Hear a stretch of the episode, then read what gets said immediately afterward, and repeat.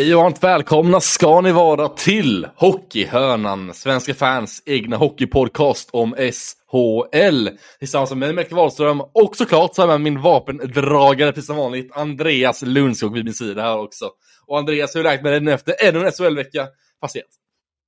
Ja, men det är fantastiskt. Det rullar på. Som sagt, vi är väl liksom den här Hockeypoddens svar på Björn och Benny får vi väl säga nu. Ja, det exakt. har, det har eh, rullat på riktigt fint här i veckan. Det har varit intensivt. Eh, jag bevakar Örebro ganska så mycket och de har ju spelat, i och med att de ska på Spengler Cup över, eh, över mellandagarna så har ju de haft ett lite mer intensivt spelschema än alla andra under den här tiden. Så man har ju jobbat ganska mycket med liksom, laget och när man bevakar dem varje, varje dag då blir ju det alltså, temat för det man gör hela tiden i yrkeslivet.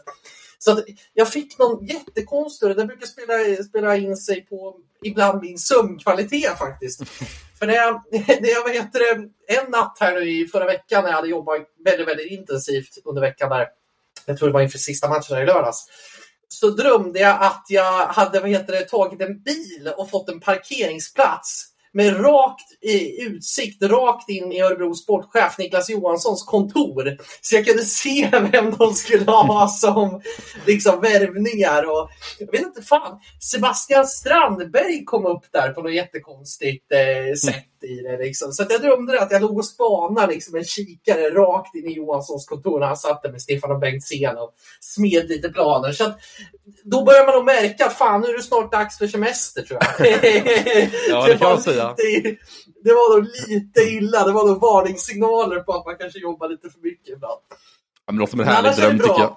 Ja, det är härligt. Ja, ja, det hade man gärna haft. Problemet är att eh, Johanssons eh, kontor är ganska högt upp så då får de bygga en parkeringshus. Jag vet inte fan hur jag fick till det där. Nej.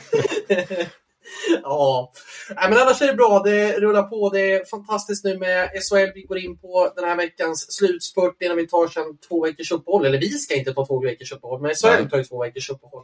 Eh, så att, eh, nej, men det rullar på. Själv? Mm. Det låter jättebra. Eh, vi har haft en vecka nu med tre matcher. Alla har spelat tre matcher den veckan. Första gången det händer den här säsongen. Riktigt härligt. Mycket hockey. Och det älskar vi såklart. En väldigt händelserik vecka som sagt.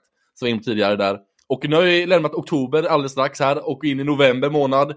Eh, imorgon tisdag tar ju landslagsuttagningen ut av Sam Hallam eh, inför Karriala Tournament som startar nu den 10 november här och alldeles strax.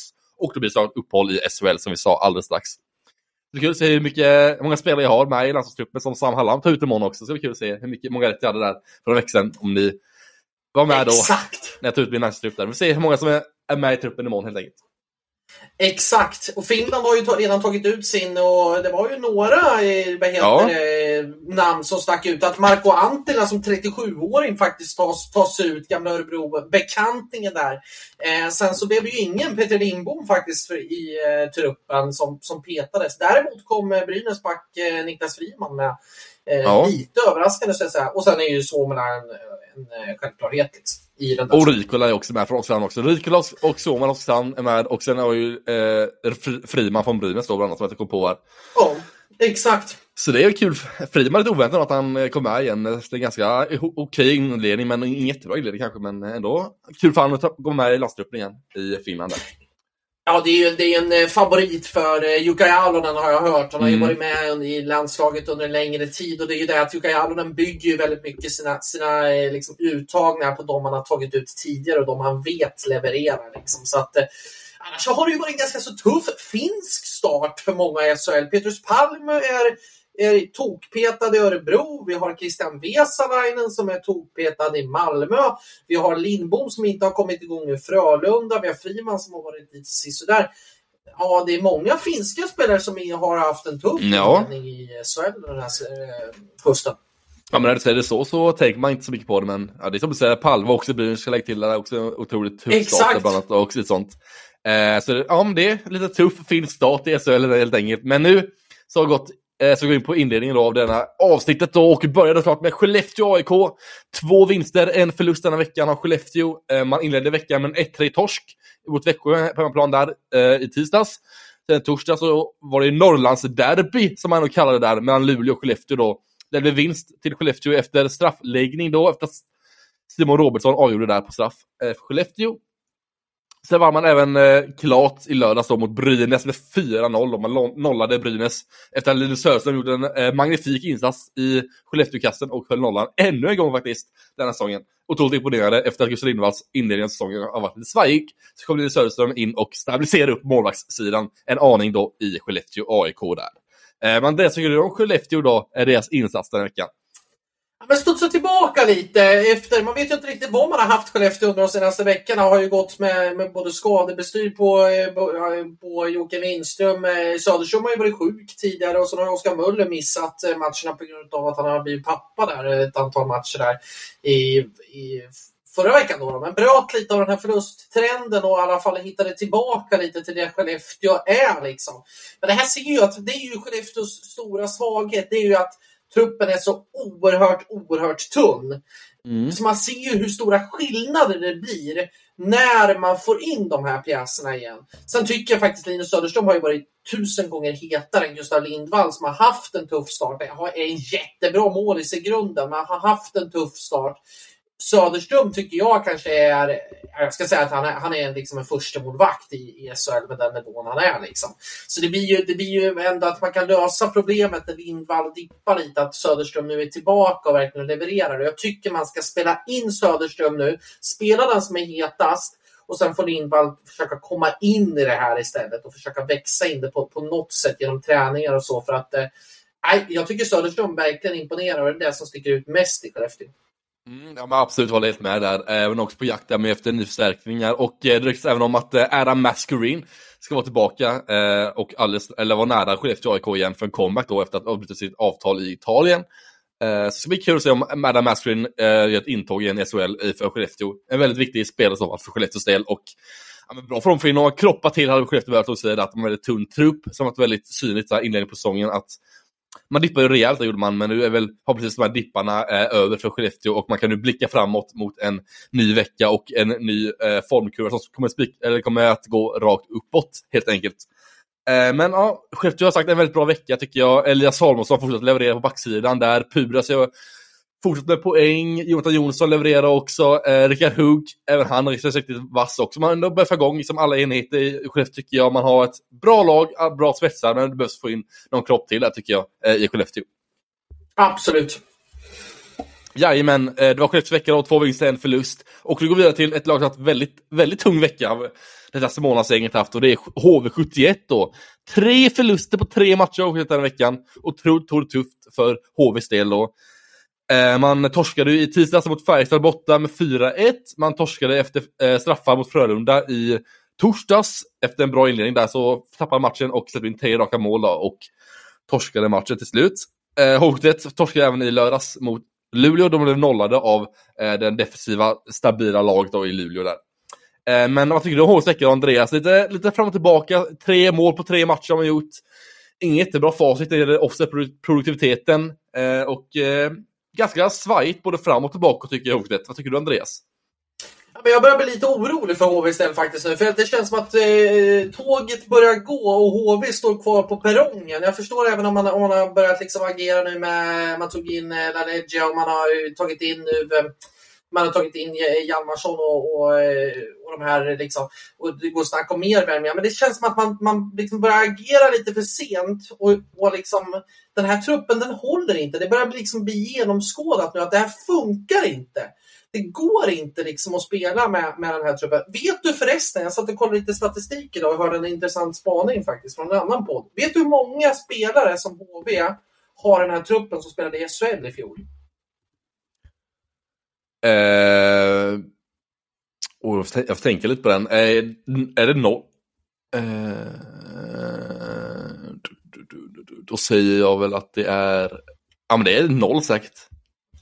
Det är två. Två är det? Två ja, stycken. Två. Det var ju Westerlund och så var det Bengtsson där som spelade i alltså, Ja, det just det. Just två lag som, var, som inte hade några större. Och så är det LaLeggia och så tre kan man väl säga då. Men, mm, just det. Liksom, och det är det jag känner att den här truppen, alltså man har tagit in spelare från KHL, det är en stor omställning att gå från KHL till, till SHL. SHL är en speciell liga, det är svårt att kunna anpassa sig till tempot och hitta tillbaka till sådana saker. Och sen att ta steget från Hockeyallsvenskan till SHL, men det kan ju vara jättesvårt för vissa spelare och för, styr, för stor kostym och, och eh, liksom följa. Så jag tycker det känns, det här känns som ett IKEA-bygge där det saknas så jäkla mycket skruvar. Så jag ser, jag ser inte just nu att HV71 ska kunna gå upp på liksom 60 poäng som kanske kommer krävas för att liksom undvika kval. Jag ser inte det i dagsläget. Oavsett liksom nästan till vem, vem de, eller hur mycket de plockar in. Alltså, de, jag tycker det är för svagt från start. Liksom. Och det är så många delar som inte fungerar i det här laget. Jag, jag kanske låter hård. Jag kanske tar fram Husqvarna motorsågen och drar dra på här nu. Men, men det, det, det, är för svagt helt enkelt på så många olika sätt. Ja, men jag håller helt med. Jag tycker Johnny Ortu bland annat har kommit in väldigt snett på säsongen och ställa KL-omställningen och omställningen från Schweiz och KL är väldigt svårt. Och Johnny Ortu kommer därifrån eh, inför säsongen upp till HV71 var värd som en toppmålvakt men har inte riktigt kommit in i gängen än så länge utan det är lite löst, lösa skruvar där helt enkelt eh, när det gäller målsidan i Hockeyet. Eh, mm. Sen som sagt också så börjar man, alltså, börjar man leverera så resultat så varje, varje vecka som börjar med liksom två, tre förluster varje vecka då kommer det väldigt tufft Hockeyet att liksom, ta poäng och klara sig. Liksom, för man har just nu 14 poäng, 14 matcher och ja, men det är fyra poäng till Oskarshamn som är på 13 plats och liksom, tåget börjar ändå gå nu sakta men säkert framåt. Mm. Och, Ja, alltså, det är som du säger, man står kvar på perrongen. Ja, men tar man inte den poäng som nu börjar, då kan det bli väldigt, väldigt tufft, både mentalt, eh, men också ja, poängmässigt. Att kunna ta poäng och spela sig bra igen, för tålamodet börjar försvinna hos supporterna.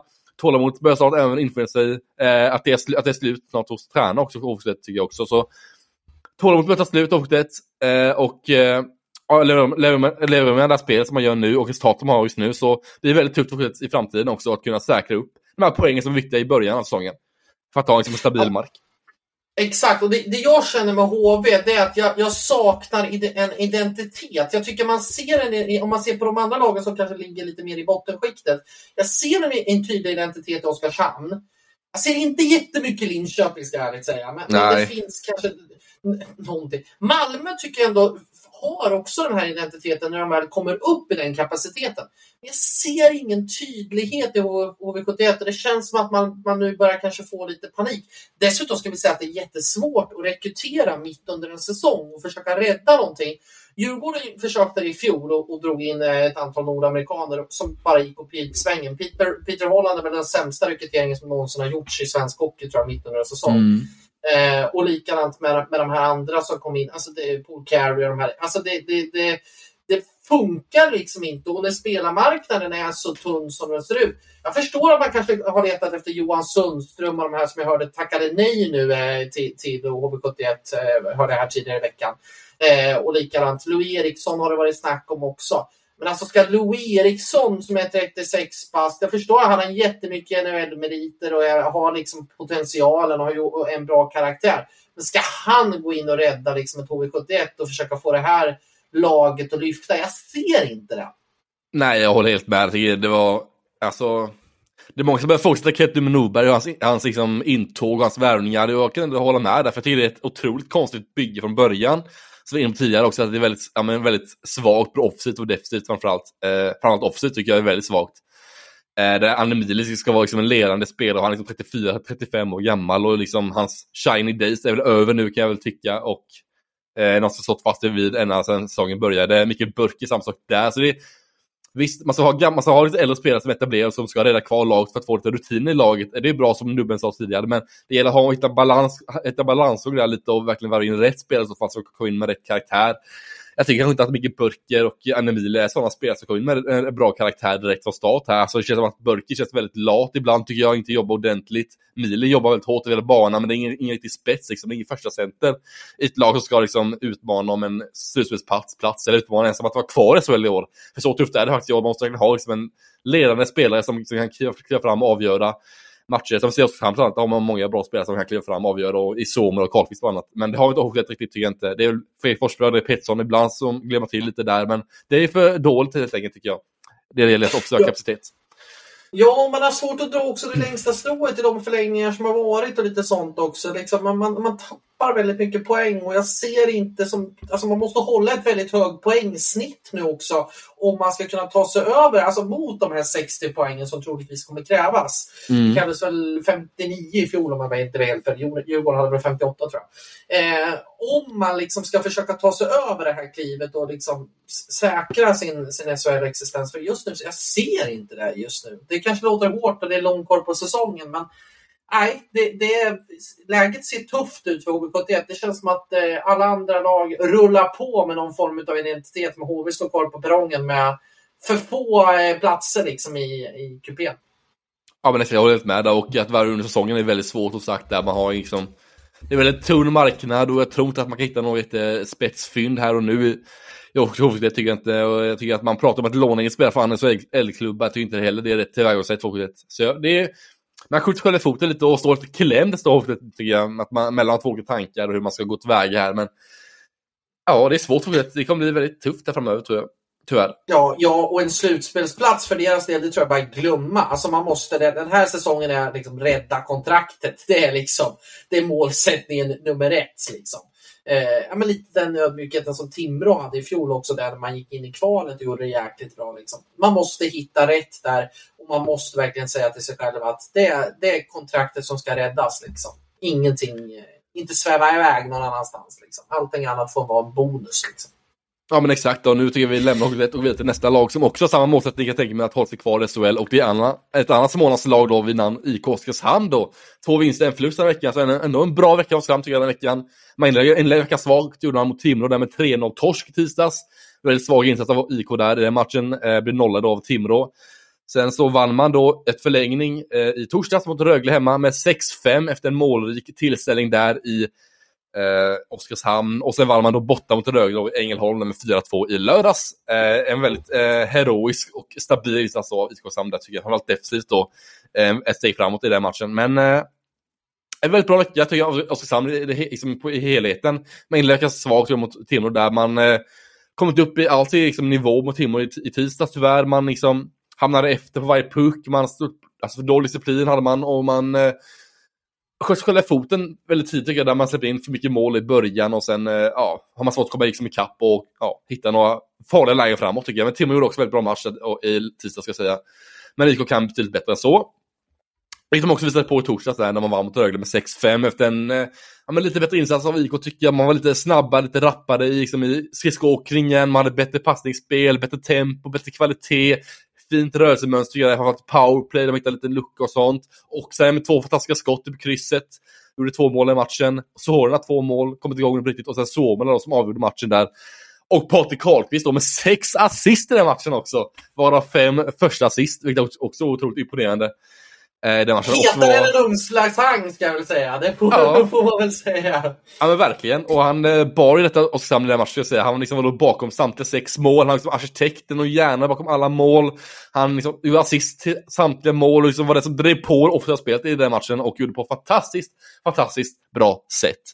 Men eh, ja, några enkla mål i matchen man in tyvärr. Eh, men annars så var det en bra match Oskarshamn då i torsdags. Sen var det back-to-back-möte. De mötte Rögle igen, då fast i lördags. Eh, en stabil insats av IK i matchen. Man höll Rögle mycket på utsidan. Man Rögle skapade inte så mycket farliga lägen egentligen. Man skapade väl två liksom, styrningsmål. Hade Rögle där står Lyrnäs och Lars gjorde mål där. Eh, men mer än så skapade inte mycket Rögle tycker jag inte. Trio gjorde en bra match i IK-målet. Eh, man var väldigt bra defensivt IK, man höll dem på utsidan Rögle och man täckte mycket skott och offrade sig för varandra. Och Anton Eriksson fick göra sitt första mål i SHL i lördags också. Så en väldigt bra insats av Oskarshamn då i, eh, i lördags tycker jag. En väldigt stabil och defensiv, solid insats. Anton där tycker jag faktiskt har gjort det bra och kommit in liksom. Kommit ja. in från polska ligan av alla ligor liksom. Det är ju inte, det är ju inte crème de la crème att spela men det är säkert, säkert en häftig kulturupplevelse. Ja. Jag tycker han har gjort, gjort det ganska så bra på SHL-nivå. Liksom ändå är ett kraftpaket. Det är ju ingen spelare som ska, ska vara någon toppspelare. Liksom. Men jag tycker ändå hans karaktär har jag alltid gillat liksom, sen han var i, i Västerås. Eh, det som är problemet för Oskarshamn det är ju om man ska se liksom, glaset. Man kan se glaset halvfullt eller halvtomt egentligen. Halvfullt är det ju att man gör jäkligt mycket mål faktiskt. Mm. Eh, och liksom är starka offensivt. Man har ju en första kedja som är alltså fullständig klass. Liksom. Eh, ska man se det halvtomt så är det ju att, det är, eh, att man fortfarande släpper in väldigt mycket mål. Det, ja. det är ju lagets stora akilleshäl med defensiven. Liksom. Eh, det kan man kort och gott säga. Liksom. Sen så vi, går ju matcherna väldigt ofta till förlängningar. Det har varit ja. väldigt mycket förlängningar för Oskarshamn. Liksom. Eh, men att ändå kunna dra det längsta strået, jag tycker det är väldigt, eh, väldigt starkt att besegra Rögle i två, två matcher. Det tycker jag faktiskt verkligen. Det är ett styrkebesked.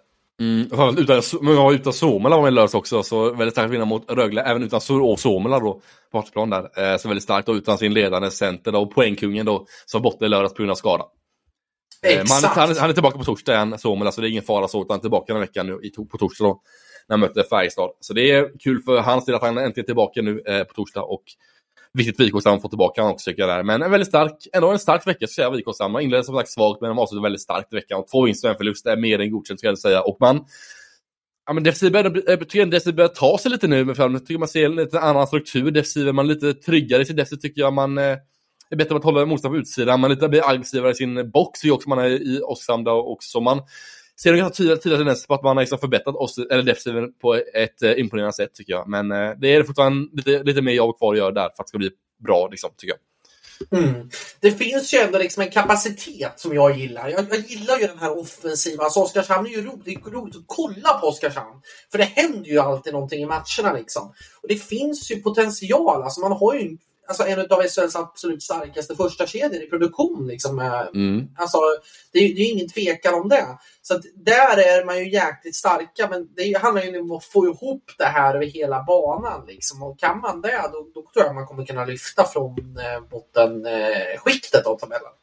Jag håller helt med. Man har väldigt bra skick att spela individuellt tycker jag. Men jag tycker man saknar liksom en forward för att kunna få ihop liksom alla enheter på ett bra sätt tycker jag. Det är lite det blir lite hackigt om man har, så här, man har Jonsson som egentligen är fjärde center, och flyttar upp honom som en tredje center istället. Så man, inte har, inte, man har bara tre naturliga center som sagt.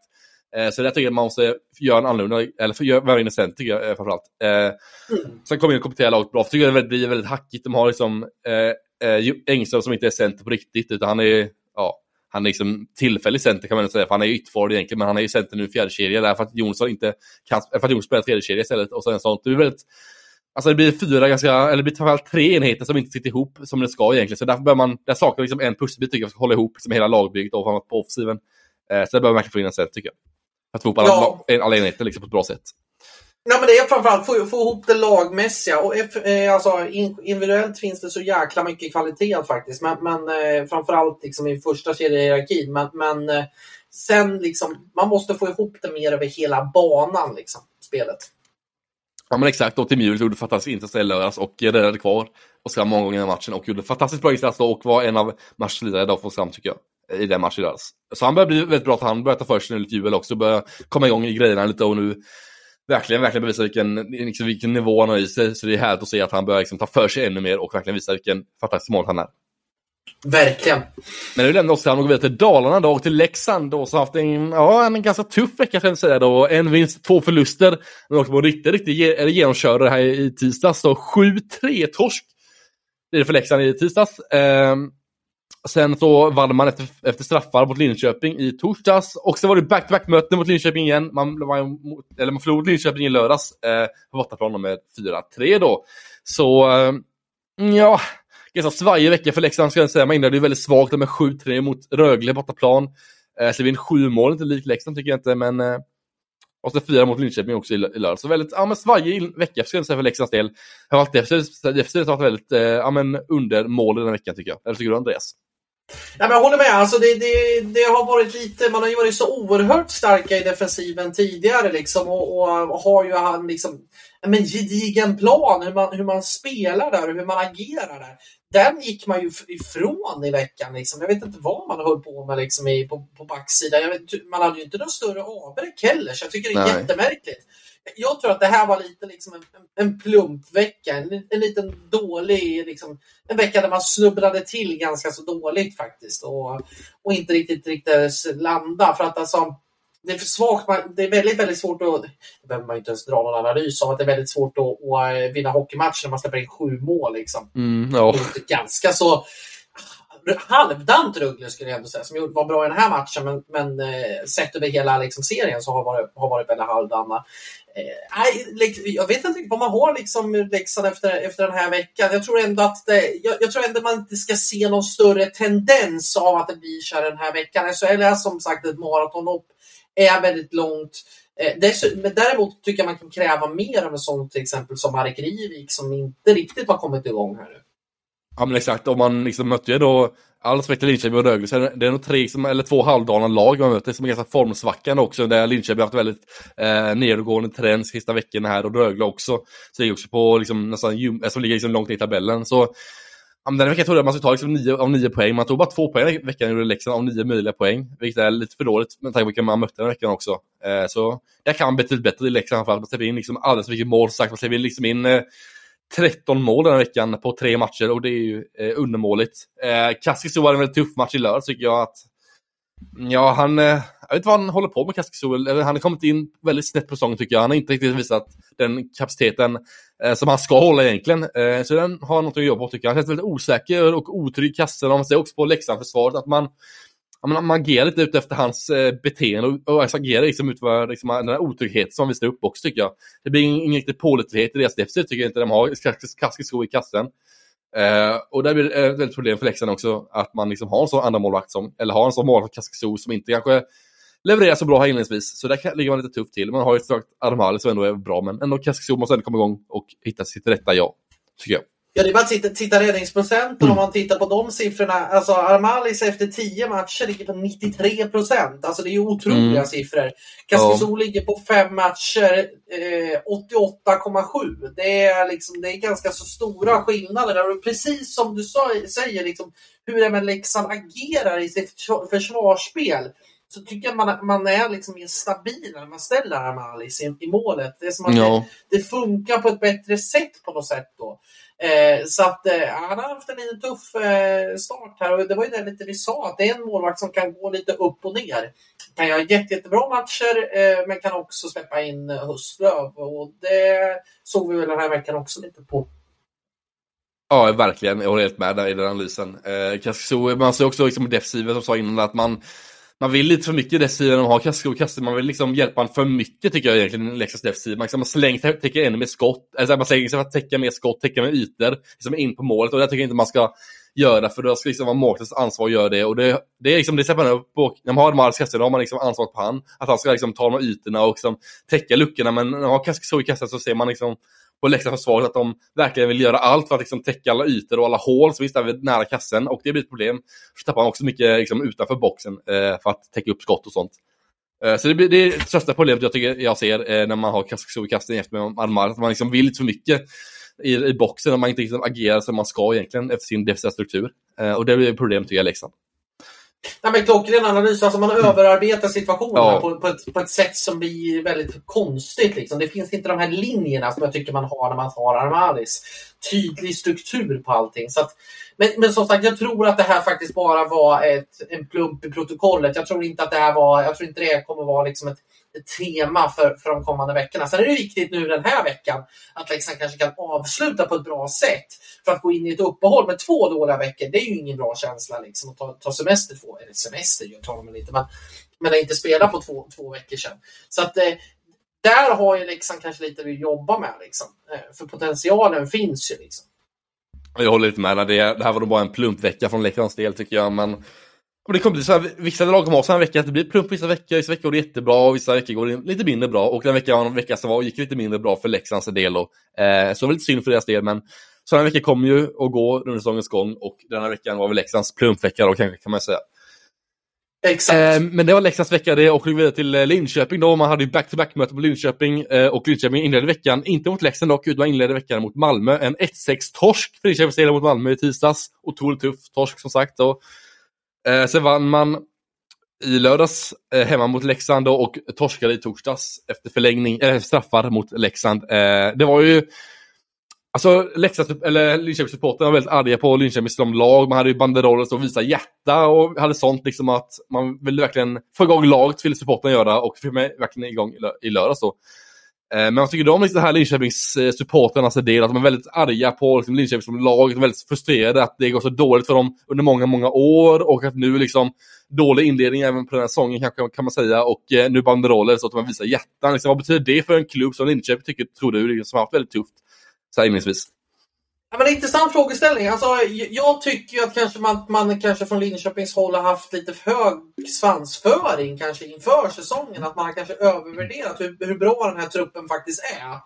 Eh, för den är inte jättespetsig, det ska jag verkligen säga. Jag tycker man har liksom kanske gått ut lite för hårt. Att ja, men det här är året, det här är året Linköping ska vara med och utmana.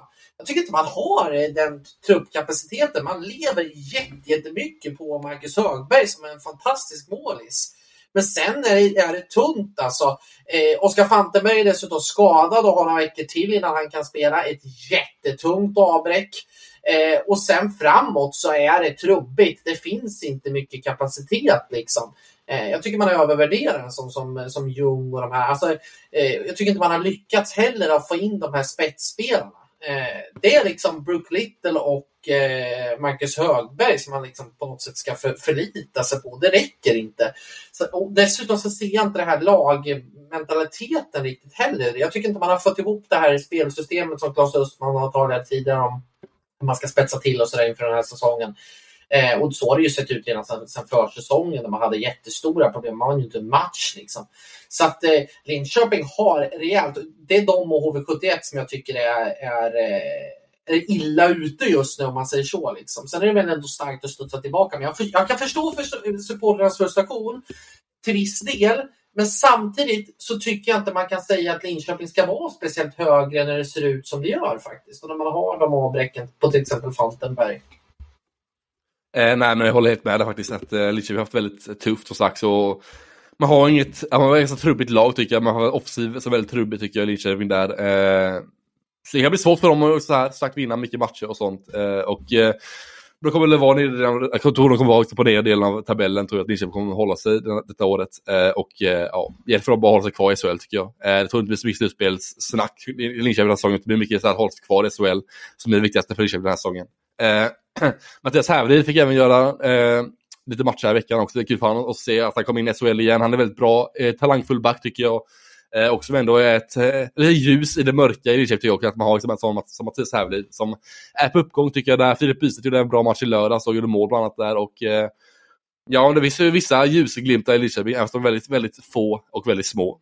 Så vi ser ändå Bystedt och eh, Hävelid som två väldigt, väldigt fina talanger tycker jag. Det som var lite jobbigt för Hävelid det var faktiskt att han såg upp sin skada.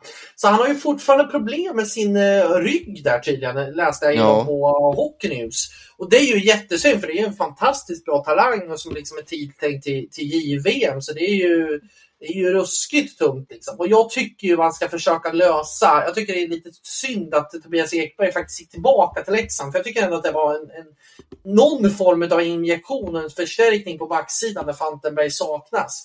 Nu är han tillbaka i Leksand och får väl inte jättemycket förtroende där eh, vad jag sett. Liksom. Så att jag tycker att man, man borde lösa no någonting sånt. För där tycker jag ändå det var, det var en injektion på något sätt, även om det inte var någon form av spetsförstärkning. Ja, vi håller lite med. Det är lite synd om Ekberg faktiskt. Han var ju petad i Djurgården, så vi har skickat till Leksand, sen är vi Leksand, vi har petad igen och sen vi har skickat till Linköping och nu är jag tillbaka i Leksand. Väldigt, så här, väldigt mycket arbetsmiljöbyte för eh, Tobias Ekberg kan man säga. Eh, typ ja. tre klubbar på ett år var det just nu.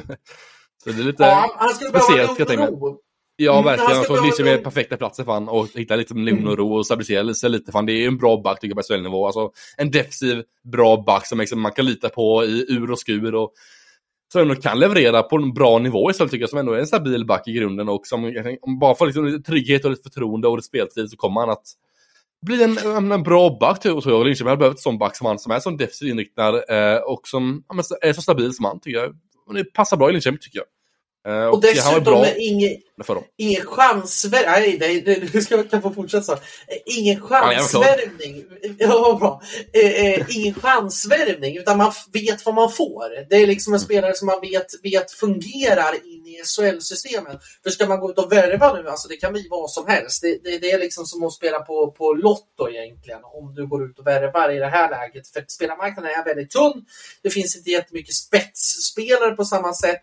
Då tycker jag Ekberg är perfekt, inte särskilt dyr, kan, kan fylla den, den luckan. Så att jag tycker att det, där hade jag varit i sportchefen Pajen så hade jag försökt att lösa det så tidigt som möjligt. Sen vet jag inte hur Ekberg känner, han har ju ändå byggt hus uppe i Leksand och grejer så att jag vet, vet inte hur han känner det men samtidigt så, så vill han nog också få en trygghet och en klubb som verkligen tror på honom. Ja men verkligen, det vill ju alla spelare såklart att man har liksom en, trygg, en trygg punkt eh, någonstans som gör att man kan utvecklas som spelare och ta nästa steg. Eh, och Ekberg behövde en sån miljö. Eh, det är, ja, som Linköping är till exempel. Eh, och sånt. Men som sagt, det var Linköpings vecka. Det är vi går vidare till Linköp eller från Linköpings vecka till en annan, ett annat lag som går väldigt tungt. Och det är Rögle såklart, som har en vinst, två förluster den veckan. Eh, man eh, vann ju i Leksand, eh, emot Leksand i, i tisdags med 7-3. Och sen vann man då, eller förlorade man mot Oskarshamn gånger två då, efter förlängning i torsdags och sen förlorade man efter ordinarie tid i lördags på hemplan mot IK Oskarshamn. Eh, och så, också så Lindgren och Ludvig Larsson är de två spelare som verkligen driver på det där röret tycker jag. Det är de två som verkligen liksom, eh, drar igång detta loket och som ändå är någonting, är någon form av liksom, positivitet i, i deras lag tycker jag. Vad tycker du Andreas, eh, är, det någon mer som sticker ut eh, än Ståhl Lindgren och eh, Ludvig Larsson i offensiven? Nej, det är de och så tycker jag Marco Kasper ändå har visat ja, någonting. Ja, det är den kedjan. Ja, det, det, det är den kedjan som mm. driver det där. Däremot så tycker, måste man ju kunna kräva mer av liksom Daniel Saar och Adam Tambellini och så. Jag tror att Tambellini sköt sju skott mot Oskarshamn i lördags tror jag. Och brände alla liksom. Så att det, det, ja. det är ju, det är ju, det är ju för, för eh, man har ju för svag produktion av de spelarna som är tilltänkta och nu fick ju Everberg också gå ut och missa väl matcherna här under veckan. Vi var borta över uppehållet också. Eh, så det känns ju som att eh, det, det, klickar inte i Rögle riktigt. Alltså, jag saknar den här karaktären, den här som typ Mattias Sjögren och de här har varit tidigare. Någon som verkligen kan gå in och liksom ja, men vara den här den här liksom pådrivaren. Jag saknar det här Rögle. Och man har ju haft en strategi att värva ungt och sådär. Liksom man rekryterade till Theodor Niederbach och bland annat. Han får ju knappt inte någon speltid. Nej. Det känns som att man har, man liksom man har prioriterat bara att värva ungt, liksom spelare som ska ta nästa steg till, till NHL och det är ju jättebra på sitt sätt. Men man har missat det här att liksom full, fylla luckorna, framförallt på backsidan, eh, med spetsspelare. Liksom. Jag håller helt med faktiskt att eh, det är väldigt, eh, lite, lite lustiga värvningar där också säga där med Niederbach. Alltså, man inte ger en speltid som man, ja, inte förtjänar jag inte säga, men att man ska nog ge en speltid för att han ska växa in i liksom, det är en ny miljö för honom och han är väldigt ung fortfarande och sånt så han har ju hög potential tycker jag och bör verkligen eh, hamna i en kedja som passar på ett bra sätt och få mycket speltid som man inte får just nu tycker jag är lite synd. För han är en bra spelare på lång sikt tycker jag också som kan ta nästa steg i Rögle också om han väl får chansen. Men jag tänkte säga nog rätt så mycket omkring Rögle att man liksom har en liksom deras, före, deras tredje kedja förhand är den kedjan som är bäst levererar i det kedjan med Kasper, Larsson och Ståhl Alltså, liksom det är potentiell, eller liksom det är en tredje kedja för Rögle men ändå är de som levererar bäst. Och det säger nog en hel del kring deras offensiva kapacitet och deras offensiva Ja, men det är andra spetsspelare offensiva som inte riktigt kliver fram. Det är Daniel Saar och Erland Temmelin, och det är Dennis Everberg och det är Kim Rosdahl och det är många som ska nämnas där eh, som inte levererar, som upp i nivå till som Linus Sandin inte varit eh, han har gjort ett mål och en assist också, men inte mycket mer än så. Jag han är väldigt osynlig, lätt Linus Sandin där. Eh, han har haft mot Oskarshamn här i veckan, att han var väldigt osynlig och inte gjorde skapligt mycket lägen själv, gjorde han inte. Utan han, ja, han åkte runt mest och inte gjorde så mycket, inte Linus Sandin här. Så det ska bli kul att följa Rögle framöver, hur man liksom eh, går vidare från liksom, de här veckorna som har varit väldigt tunga här och gå vidare liksom, och se hur man kan förbättra sin, sitt spel, hur man kan liksom, gå vidare liksom, med, kedjorna och hur man ska formera liksom, laget nu framöver. Så det är kul att se hur Rögle eh, väljer att tänka där och hur man väljer att agera där för Cam Abbott och eh, har varit Cam Abbott som huvudtränare. då är ju väldigt så här, bra på att liksom, agera utifrån situationer och väldigt bra på att liksom, förbättra sina förbättra sina spelare och även liksom, hitta lite nya formationer och möblera om ganska mycket i lag och sånt. Det är väldigt bra på där Cam Abbott tycker jag. Eh, så får se hur han väljer att göra nu för veckan som kommer här. Verkligen, men det finns ju liksom, det finns mycket. Man, jag tror att det här landslagsuppehållet också kan komma ganska lägligt för, för Rögle som stundar här, om man kan avsluta på ett hyfsat sätt här i veckan. För grejen är det att, att det finns ganska så mycket stora speldetaljer som man måste bli mm. bättre. Man är ganska så svårt att få skottlägen liksom i skottsektorn och komma in om man ska se det rent taktiskt, liksom, i bra lägen man har svårt att ta faktiskt skott generellt. Man, är, man är liksom ligger 11 i den ligan med 389 avslut hittills på mål. Eh, man har ganska svagt både boxplay och powerplay, så där finns det ju grejer man måste behöva ta tag i. Och jag tror att det här uppehållet kommer ganska läge. Mm, framförallt defensivt tycker jag som är kanske största problemet just nu i Rögle. Framförallt defensivt tycker jag som är största problemet i Rögle och nu. Men det blir liksom in tio mål mot Oskarshamn på två matcher. Det är ju inte jätte... Ja, men det är inte, inte jättebra för Rögle. Alltså, det är liksom tio mål på två matcher mot Oskarshamn. Liksom, och, och, ja, men där måste man bli starkare tycker jag. Erland Leshund måste verkligen upp i, liksom, i sitt rätta jag. För han är verkligen det var lite halvsvaja inledningsvis tycker jag. Jag tycker som Tony Sund eh, slarvar otroligt mycket i dess zon. Han eh, får inte ordning på grejerna ordentligt och han liksom är en säkerhetsrisk tycker jag i Rögles försvarsspel. Jag tycker också att Kristoffer Rifalk och Kalle Klang i målet inte kom upp i nivå heller eh, på målsidan. Där Rifalk väldigt svag inledning tycker jag också där. Eh, och Kalle Klang har mer att bevisa tycker jag också. Så, ja men defensivt tycker jag för allt det som hackar otroligt mycket för Rögle. Eh, och så kul att se om man får, får i ordning på det, för det är väldigt många spelare som är säkerhetsrisker i försvarsspelet och som inte kom upp i rätt nivå, eh, helt enkelt. Verkligen. Exakt, man behöver kanske värva in nybacke och hitta någon form av defensiv stabilitet där i, på backsidan.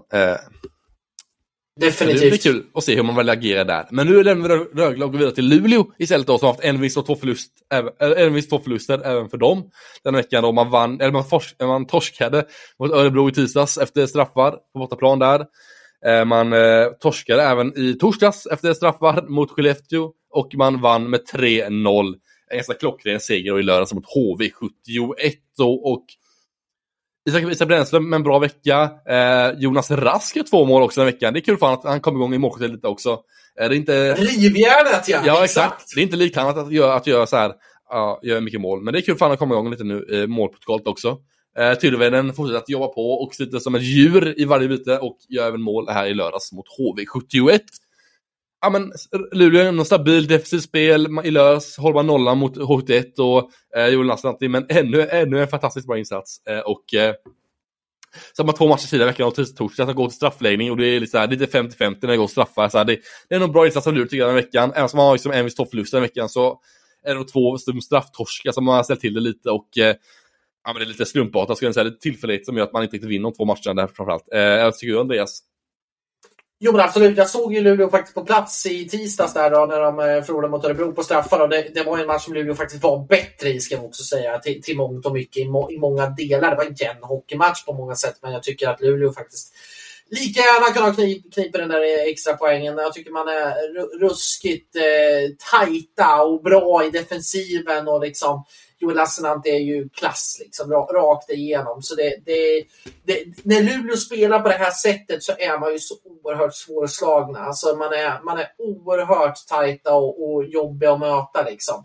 Eh, får man in någon extra krydda liksom, till det här som kanske behövs liksom, för att kunna gå riktigt, riktigt långt i år då kan det bli väldigt, väldigt bra. För när Luleå spelar på det här sättet så är man väldigt, väldigt svårslagna, det måste man säga. Ja, men jag håller lite med. Man behöver kanske ett par, liksom, ett par liksom, ett poängproducerande spel behöver man kanske få in i laget för att liksom, höja liksom, nivån ännu mer. Man är bra defensivt, man behöver bli lite bättre offensivt också tycker jag på en, liksom, en längre på längre sikt och sen när man kommer in liksom, i slutspel sen och när det blir inskrivade så måste man verkligen ha liksom, några målskyttar som sticker ut ordentligt och det har man ju inte här och nu utan man behöver verkligen få in ett par målskyttar till som kan komma in som två kryddor som kan liksom komplettera detta laget på ett fantastiskt bra sätt och som kan liksom krydda ihop den här kryddblandningen på ett bra sätt så kan bli otroligt, otroligt svårslagna sen i framåt våren om man får in liksom två spetsspelare till. Det var ju lite snack faktiskt här. Jag såg ett eh, Twitter-rykte här nu, eller Twitter-rykte, det visade sig inte stämma. För att, eh, men det var att eh, Sakari Manninen, eh, Örebros som har varit ute efter honom, eh, Finlands storstjärna måste vi säga, hade börjat följa klubben på Twitter. Men det där stämde inte, för det var inte hans officiella konto. Så, så li, lite tråkigt kanske för Luleå-supportrarna liksom, att det, det, det, var inte den för Sakari Manninen. Liksom. Eh, så att eh, de får fortsätta leta vidare där, eh, Skuggan och Ulf Engman där i, i den sportsliga ledningen. Och det är ju tajt om de typerna av spelare. Och vi ska gå in lite på Sakari Manninen lite senare sen mot eh, lyssnarfrågorna. För där finns det lite, lite nyheter att berätta. Ja men exakt så är det ju. Eh, och eh, ja, jag läste ju det här riktigt också på Twitter. Och tänkte, vad är det här för något? Så jag gick in och kollade på Luleås Instagram-konto.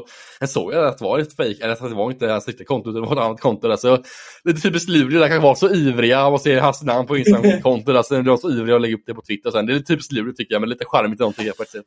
Att de är så ivriga och så liksom, eh, härliga och framåt, liksom, att man verkligen får in man är verkligen nörd av att spela till och det märks verkligen i fanskretsarna där i Luleå att man vill verkligen få in liksom en offensiv spetsspelare till. Det, det, det märks otroligt tydligt där i Man i suktar efter förstärkning. Ja, det jag kan man säga.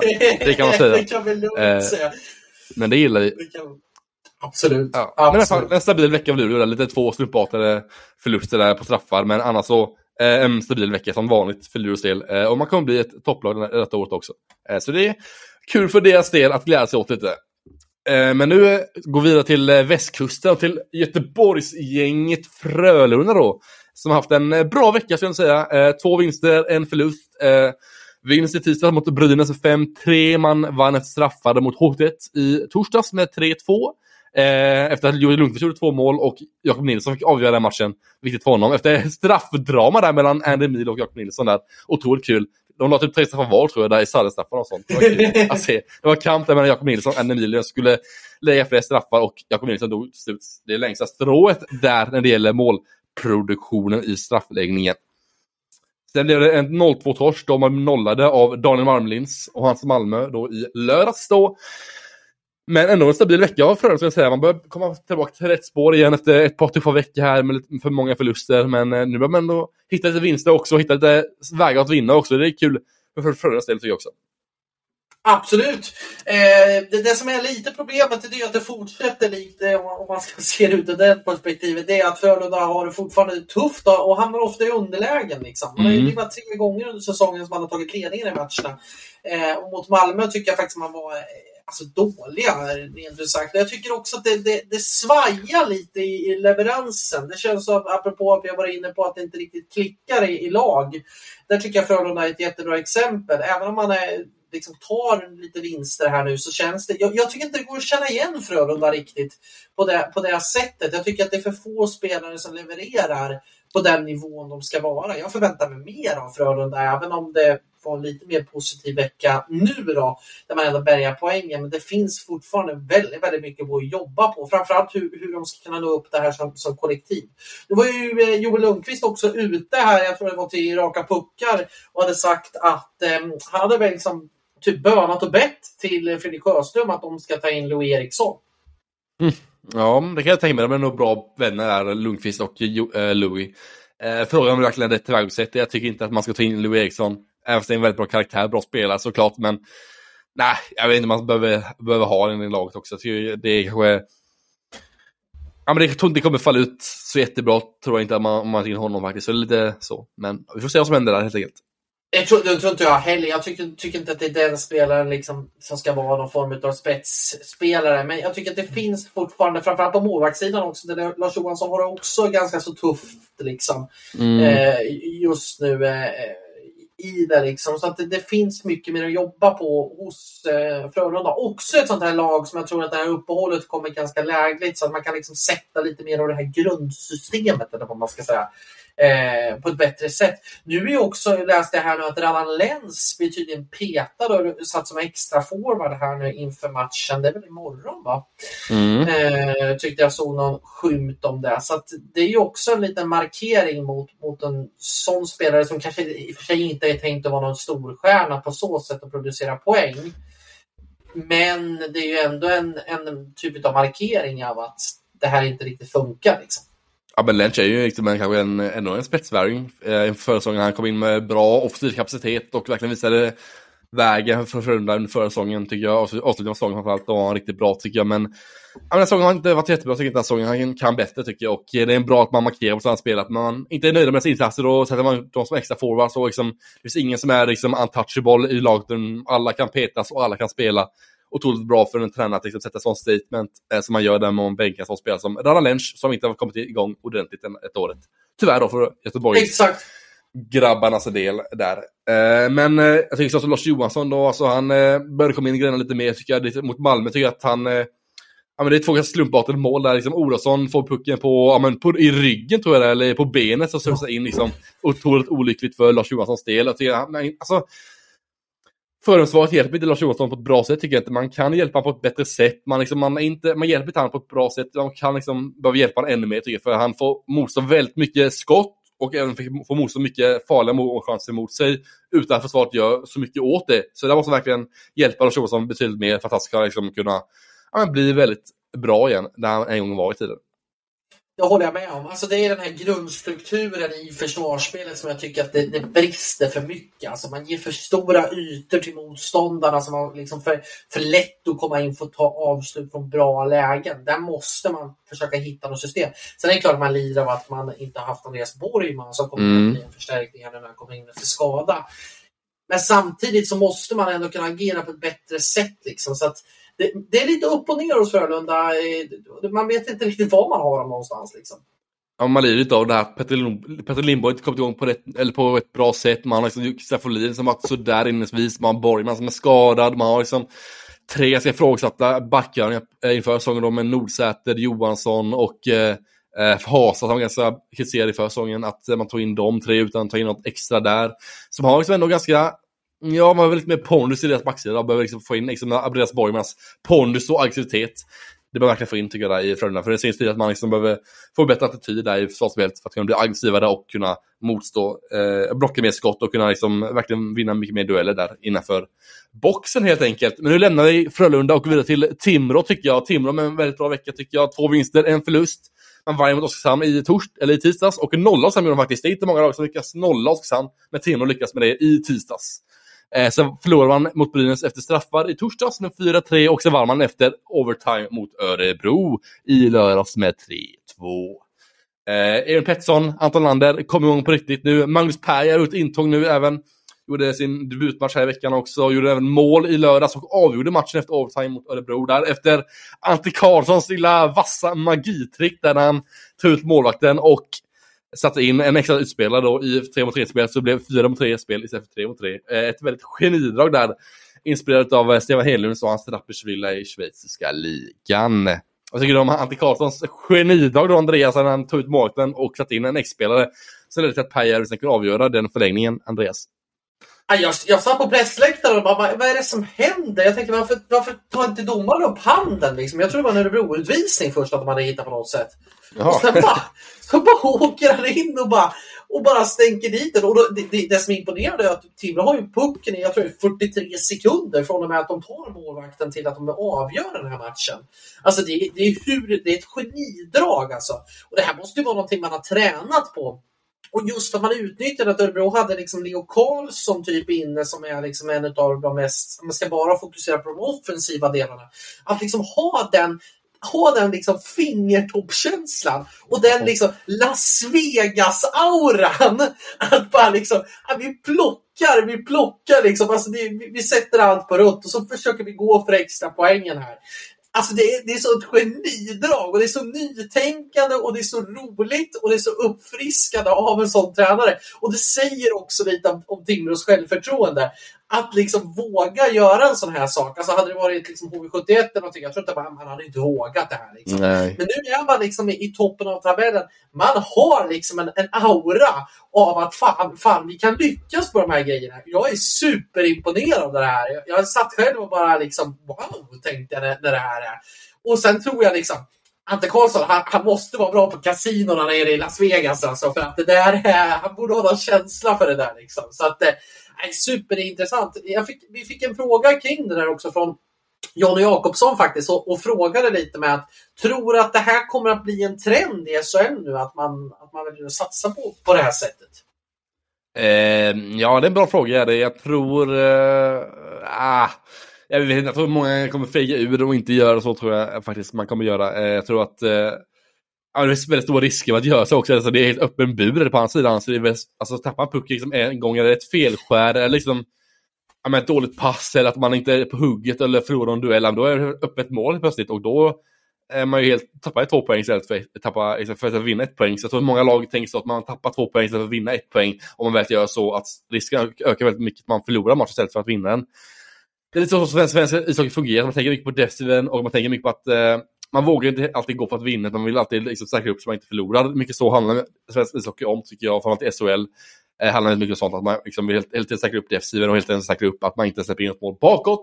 Och jag tror inte att detta är något vi kommer att få se jättemycket framöver. Men kanske kommer klippa till någon gång här och då, att, eller här och var, att det blir så att man tar ut maten och sen tar in en spelare. Det kommer kanske hända lite här och var, tror jag, men kanske inte någonting som man kommer att se på, i ett generellt perspektiv, att man kommer att se det liksom under många omgångar i rad. Det tror jag nog inte.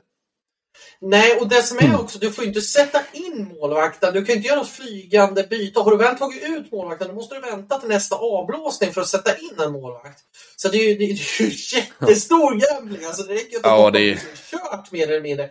Så att det, det är ju verkligen en, en, en gambling utan dess eh, like. Och det är det att det är ju långt till, till båset också. Det, det är ju liksom, du måste ha någon form av skridskoteknisk målvakt. Ja. Du kan inte ha en målvakt som står och småsegar direkt. För då åker du också på det. Så det är, det är svårt och jag tror att det, jag tror att det kommer vara liksom i mer desperata lägen. Om man säger att lag kanske går för ett slutspelsplats eller sådana saker. Att det, ja, jo. Det är bra. Och det som kan bli nackdelen där, det är att det här kan ju falla på ett tredjepartslag. Det var ju inte tillåtet det här att göra så här förrän, jag tror det är förra året man gjorde en regeländring och gick till de internationella reglerna. För det är ju mm. tillåtet i andra ligor. I NHL är det inte tillåtet tror jag inte. Utan jag tror att det bara är i eh, internationell hockey. När, eh, när, när vi anpassat regelboken efter det så har, har det ju blivit så. Liksom. Så att jag, jag tror att jag tror inte att det är så många, jag tror inte vi kommer se det liksom varje vecka i SHL, definitivt inte. Men jag tycker att det var uppfriskande och det var intressant att se och se att det går att lyckas med också. Men man hade ju också kunnat stå med dumstruten ner om Örebro hade skickat in det där och man förlorat en poäng också. Så att, eh, Ja, det är intressant take. Men om jag ska snacka Timrå generellt så är jag faktiskt jätteimponerad. Alltså, Ante Karlsson för, förtjänar någon form. Alltså jag måste lyfta på varenda hattar som finns. Liksom, för att jäklar vad han har fått ihop det här laget.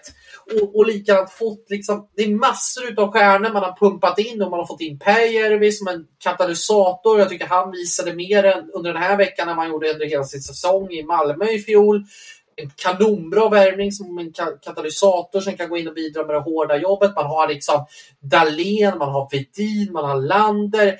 Spelare som kanske liksom spelar någon form av basket nästintill. Det går inte jättefort alla gånger. Men man har ett så oerhört skickligt passningsspel och liksom sätt att ta sig till lägen. Men framförallt, det är ju defensiven och målvaktsarbetet som jag är jätteimponerad av.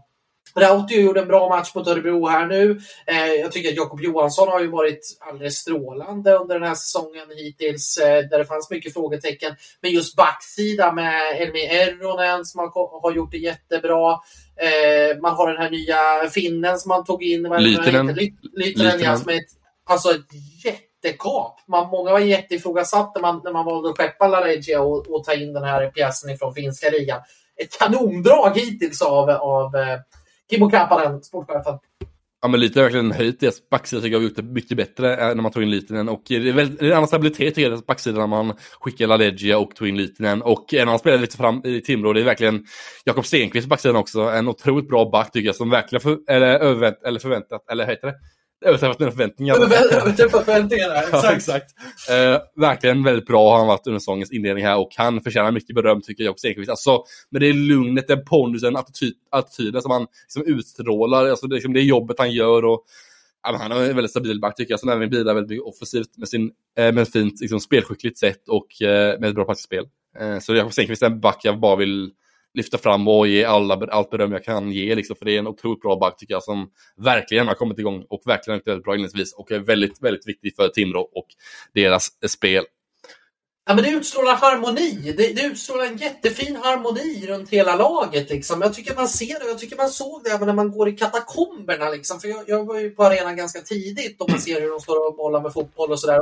Man kan ibland se på vissa lag att det liksom är lite, jag ska inte säga ångest, men att det finns en väldigt allvar i blicken. Här kändes det väldigt chill. Det kändes som att liksom, ja, men vi tar oss an den här uppgiften. Det här ska bli kul. Liksom. Och jag tycker att det syns också på isen. Jag tycker att det här är jätteroligt. Sen ska vi även säga, om vi ska dra för motorsågen. Supportrarna skämde faktiskt ut sig i Bern Arena ett, ett, antal. Vi ska absolut inte dra alla över en kam, för det var en jättefin resa de hade gjort och det fanns många röststarka. Men att stå och bränna två bengaler som man drog på där, det, det tycker jag är, är, dåligt. Man fick ju liksom utrymma den sektionen och så fick de gå in och eh, visiteras och så fick de komma tillbaka. Då. Men alltså att, att göra en sån grej, alltså det, det, är, ju, det, är, ju, det är ju dagisfasoner. Liksom. Jag håller med. Alltså, fattar att man ens vill tända bengaler liksom, på, exempel en ishockeyrink eller sånt. Jag tycker det är väldigt konstigt man gör det. För man vet liksom vad som gäller och vad som händer om man gör det. Och, jag vet inte vad man tänker när man gör det. Det är väldigt konstigt tycker jag faktiskt, eh, när man gör sånt. Ja, jag var helt säker på att nu kommer brandlarmet gå och då kommer man få utrymme i hela arenan. Liksom. Ja. Det, det, det, alltså, det är annat att göra på en fotbollsarena där det finns kanske lite mer utrymme, där man kan göra på ett mer organiserat sätt. Så, så här, det är ju inte tillåtet, det ska vi absolut säga. Men, mm. Men det är ändå utomhus är det på ishockey. Eller på, alltså, på fotboll det utomhus, här liksom inomhus. Liksom. Tänk tända med gal hemma liksom. Eller sånt. Det är lite samma grej att göra så. Nej. Vad ni gör, kära lyssnare, tänd ingen bengal. Varken, varken, ni behöver inte göra det varken på inomhus någonstans. Liksom. Det, det, får inte förekomma, för det är dels en enorm brandrisk risken som, som kan bli där inne. Alltså det, det, är, det, det är småbarnsfasoner och jag tycker att det är tråkigt att, att det ska liksom svartas ner för det fanns fantastiska människor i den här klacken som verkligen supportade. Det var röststarka som bara den och, och de såg ut att ha en riktigt härlig eftermiddag. Liksom, en perfekt borta, bortamöte. Och så är det då ett antal, ursäkta uttrycket, med puckon som, som ska, ska förstöra och liksom svarta ner för, för eh, ett fåtal. Liksom. Ja men verkligen, men nu lämnar vi Timrå och vidare till nästa lag som är Växjö Lakers då. Två vinster, en förlust denna veckan. Blir Växjös del och man vann ju tisdags mot Skellefteå med 3-1. Eh, efter att Joel Kjellman, eh, Hugosson gjorde mål där bland annat och Erik Josefsson. Sen förlorade man hemma mot Örebro i torsdags med 1-3. Så omvända siffror där. Eh, och sen vann man då i lördags efter overtime mot Färjestad. Ett väldigt stark insats med 3-2. Och Hugo Gustafsson gjorde två mål den här veckan. Väldigt starkt av hans, de, för hans del. Tobias Strid tillbaka i målprotokollet och tillbaka i laget. Sin skada där avgjorde matchen i lördags på ett bra sätt där efter overtime. Då. Man tycker du om Växjös vecka då, Andreas?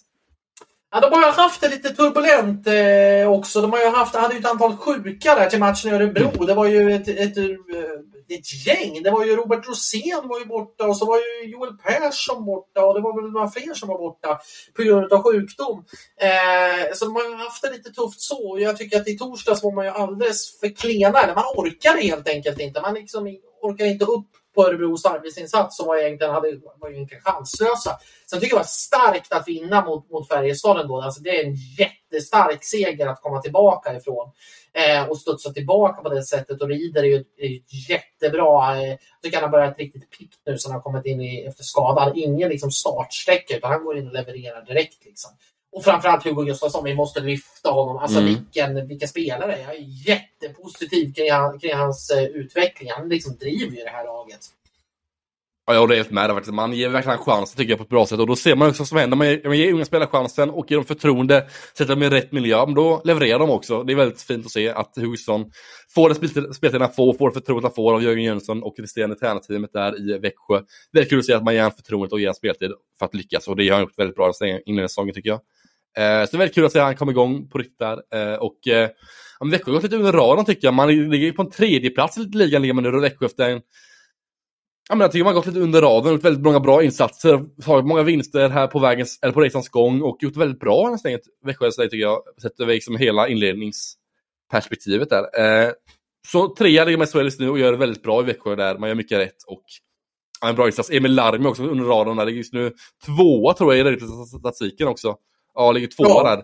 Men 92,52 i räddningsprocent statistik. Emil Armi där, så otroligt bra för han också. Han kommer igång på riktigt nu också. Så ja, det är mycket, mycket som stämmer i eh, Växjö tycker jag. Eh, målsidan är bra, forsidan kommer igång nu med rider tillbaka och sen backsidan är väldigt, väldigt bra. Så Växjö behöver få ihop alla enheter, få ihop alla lagdelar och nu verkligen är man på gång uppåt mot att etablera sig i toppen denna säsongen i SHL.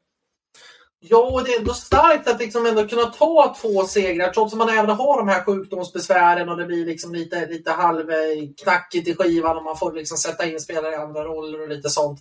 Jag tycker man, man visar prov på att den här truppen också har eh, liksom, med kvalitet i, i bredden också. Jag tycker att det, det, visar sig rejält den här veckan. Jag tycker att en sån som Dan Sexton börjar komma igång också ännu, ännu mer. Eh, så att det jag tycker att det, är positiva tongångar kring, kring Växjö. Starkt eh, med den poängutdelningen. Sen blev det lite speciellt mot Örebro där med lite sena avbräck och sådär. Så att den matchen kanske man inte, jag ska inte säga att man får räkna bort, men det fanns sina ursäkter till att man inte kom upp i den arbetsinsatsen som krävdes. Mm, ja, men en väldigt bra vecka av Växjö. Två vinster, en förlust som sagt. Och nu går vi vidare till nästa lag som är Brynäs då. De har, tog då två förluster och en vinst denna veckan. Efter en 5-3-torsk i tisdags mot Frölunda så hämtade man upp det på torsdagen sen med en 4-3-vinst efter straffar mot Timrå. Och måste veckan med att bli nollade borta mot Linus Söderströms Skellefteå AIK då. Eh, men eh, helt okej vecka för Brynäs del. Noel Noor fick ju SHL-debut eh, och gjorde även mål i sin första match där. Eh, William Ström gjorde även mål den veckan också och eh, Tima Show fick även göra mål i torsdags mot Timrå. Vad tycker du om eh, Brynäs vecka, Andreas? Ja, men det är väl lite som det kommer kunna, kanske kunna vara för Brynäs. Alltså, jag, jag tycker också att man måste från supporterhåll, jag tycker det, det har varit väldigt mycket kritiska när man går ut på Twitter att alla ska sparkas och alla liksom är jättedåliga. Och liksom man måste ju förvänta sig att Brynäs är inte, kommer inte vara någon topplag. Man, man är som bäst ett, ett play-in-lag, men jag tycker framförallt att man ska ha den utgångspunkten att man ska klara sig från kval, så, så är det målsättningen. Jag tycker inte man kan liksom höja det här.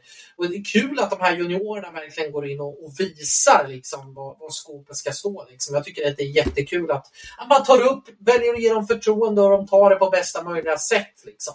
Eh, sen har du ju stora eh, snackisen varit målvaktsfrågan här. Dels så har det varit snack om eh, att eh, Veini vill, vill lämna finsk. Eh, mm. Jag har skrivit om att han har begärt en transferövergång. Samtidigt har Lindbäck haft lite problem med sitt målvaktsspel då, då och inte alls kommit upp i den nivån varken statistiskt eller, eller i liksom, spelmässigt rakt av. Släppte väl, hade väl några tveksamma ingripanden i den här matchen. Eh, samtidigt så tycker jag faktiskt att Lindbäck har försökt att steppa upp och det finns liksom steg att gå i det. Men, men det, det blir ju en svår situation när man har liksom en målvakt. Vi brukar säga vi vet ju ingenting, men han har ju inte uttalat sig någonting konkret så liksom. Eh, men, men men ingen rök utan eld och framförallt inte när en finsk tidning skriver om det på, på det här sättet. Så jag kan tänka mig, det har ju vi sagt redan inför säsongen, att det kan bli en väldigt problematisk situation då du har två spelare som egentligen vill vara första målvakter.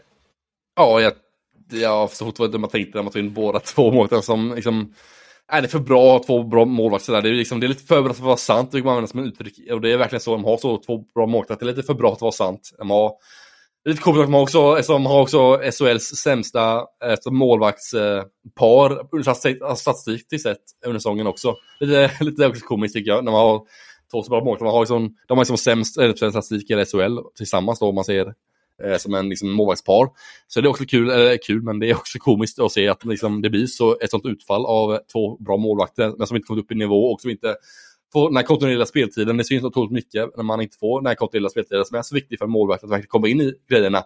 Ja, för Lindberg då, som har varit borta många, många år i KL och NHL och AHL och sånt. Eh, det är viktigt för honom att komma igång och få mycket speltid i början och det har han också fått, men han har inte kommit in i det och gjort väldigt många enkla, enkla misstag kan man lugnt säga. Eh, gjort väldigt, väldigt katastrofala matcher får man säga. Alltså väldigt fruktansvärt dåliga matcher har gjort.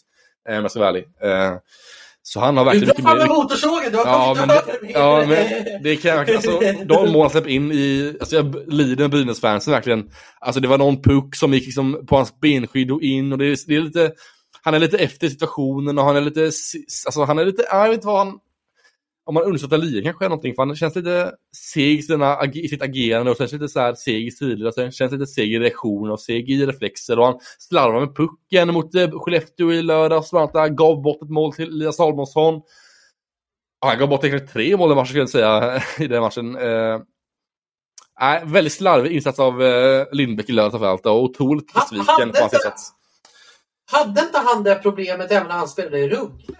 Att det var, alltså ibland spelade han jättestabilt, var oerhört bra och så ibland så var han ute och fladdrade fullständigt. Jag har för mig det. Ni får rätta mig om jag har fel, både, både du och ni lyssnare, men, men jag har för mig att, att det här var även ett akillesproblem i, i eh, Rögle när han var där. Och det finns ju ett citat som en gammal fotbollstränare sa i form av Gattuso där. Sometimes may be good, sometimes may be shit. Och lite sånt stämmer väl in här på Anders Lindbäck och hans Brynäs ska jag säga. Men Lindbäck måste få lite fler matcher på sig att komma in i det tror jag och kan, kan bli bra på lång sikt. Men eh, ja, han måste upp i nivå helt enkelt här Lindbäck redan nästa vecka. Jo. Men vet du, jag har lösningen på Brynäs målvaktsproblem. Oj, jag oj, har, oj. Jag, jag, jag, har, jag har lösningen här i min, i min liksom, jag ska inte säga hand, men jag har en teori, eller jag har en idé. Det här är intressant. Intressant. Det här, det, här är, det, här, det, här kan, det här är bra stoff. Jag tycker så här, om Väinö vill lämna, låt han lämna. direkt. Man kan inte ha en spelare som inte vill vara kvar i klubben. Det, det går inte. Det blir en ohållbarhet från alla. Och, och redan den här eh, säsongen, liksom, den här, eh, alltså där vi har pratat om att ha två målvakter som vill ha första målvakter. Det, det är en svår situation.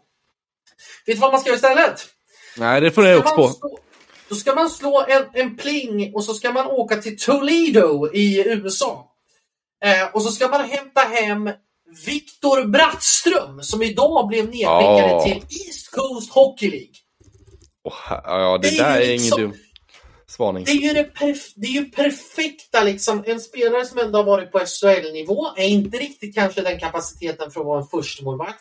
Men har ändå varit borta i Nordamerika, jag tror det är två säsonger nu, har inte spelat in sig i Detroits lag, var nedskickad till East Coast Hockey League i fjol, är 25 år. Ändå utvecklingsbar, en jättebra andra keeper för att ta in. Perfekt komplement till Anders Lindbäck. Åh herregud, det är en fantastiskt bra spaning ska jag säga där från din sida.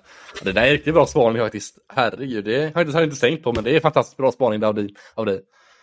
Så, ja, men det har jag helt med där. Han, när han blev nedskickad så tänkte jag fan det här är ju, det här är ju Brynäs lösning. Det är ju bara liksom ja. slå plingen. För, för vem vill vara kvar? Alltså ärligt, vem vill vara kvar? Nu har spelat i fjol lite i East Coast Hockey League, men det var mer från matcher. Vem vill spela i East Coast Hockey League? Det är ju liksom knappt hockeyallsvensk klass. Nej, det är inte många som vill det, tror jag inte. Om jag ska vara ärlig.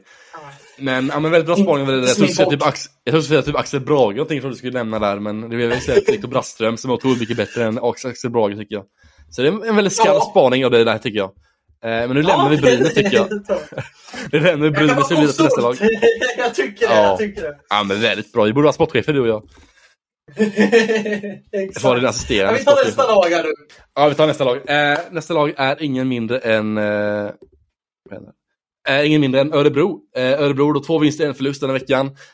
Nu börjar man bli ett topplag på riktigt Örebro. Man är, ligger etta i tabellen eh, och man är väldigt, väldigt bra i sina insatser tycker jag en lagmaskin Örebro som bara tuggar vidare här. Man efter vinsten i tisdags alltså mot Luleå efter straffläggning med 3-2 där efter att Filip Holm avgjorde på straff.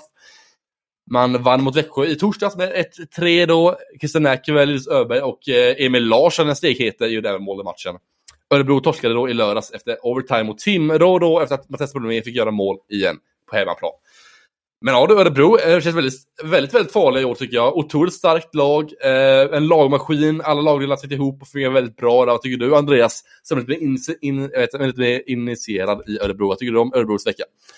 Nej, men jag tycker det summerar jättebra. Jag tycker att man ändå eh, gör det jäkligt starkt. Man går på fem raka segrar inför matchen mot Timrå som man sen förlorar på, på övertid. En, en, men det blev en lite naturlig reaktion där också efter att ha spelat vad var det, åtta matcher på 16 dagar. Att man ändå tappade den poängen. Man, man var inte riktigt mentalt förberedd när man gick ut i första perioden. Sen är man ju bättre än Timrå i andra och sen tredje blir någon form av vägskäl där, där eh, man tappar en 2-0-ledning. Men jag tycker att Örebro är jättestarka sett till liksom att Rodrigo Albos har inte kommit igång riktigt. Mattias Bromé har varit upp och ner men, men är, är, mycket, mycket bättre nu. Men det finns mycket mer att ta. Och framförallt att man har de här juniorerna. Du har en Milton Oskarsson som går in och kör. Du har en Adam Hoffbauer som kommer liksom från nästan till ingenstans och bara ja, men, spelar liksom som en virvelvind ute på isen.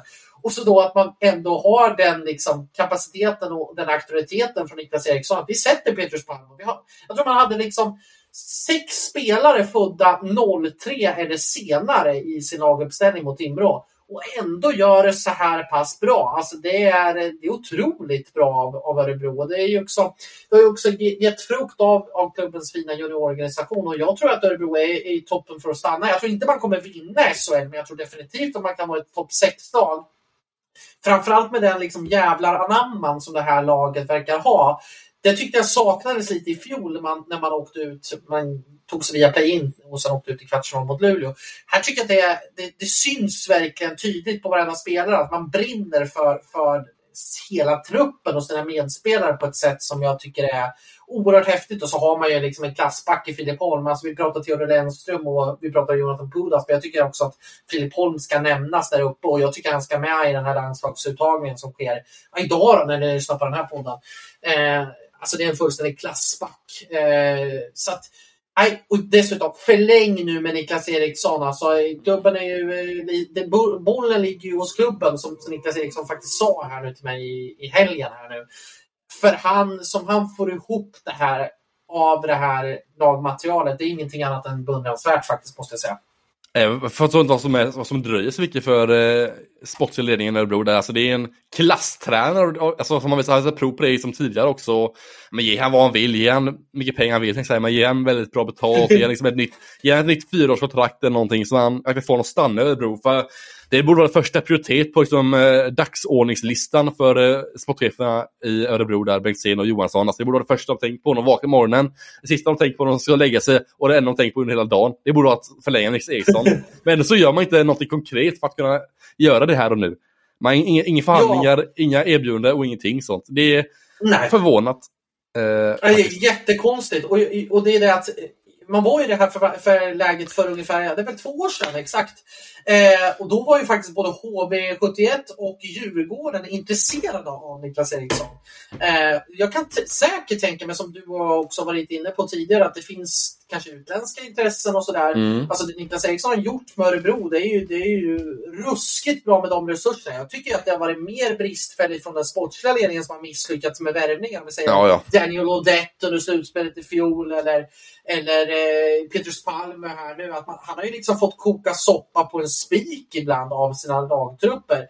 Och liksom, ska man sitta långsiktigt så tycker jag Niklas Eriksson, det finns ingen som kan göra det bättre än Niklas Eriksson i Örebro. Och ge honom den credden som han förtjänar. Och liksom, han var ju till och med så att till och med min fru vill veta vad jag ska göra ja, nästa det. Ja.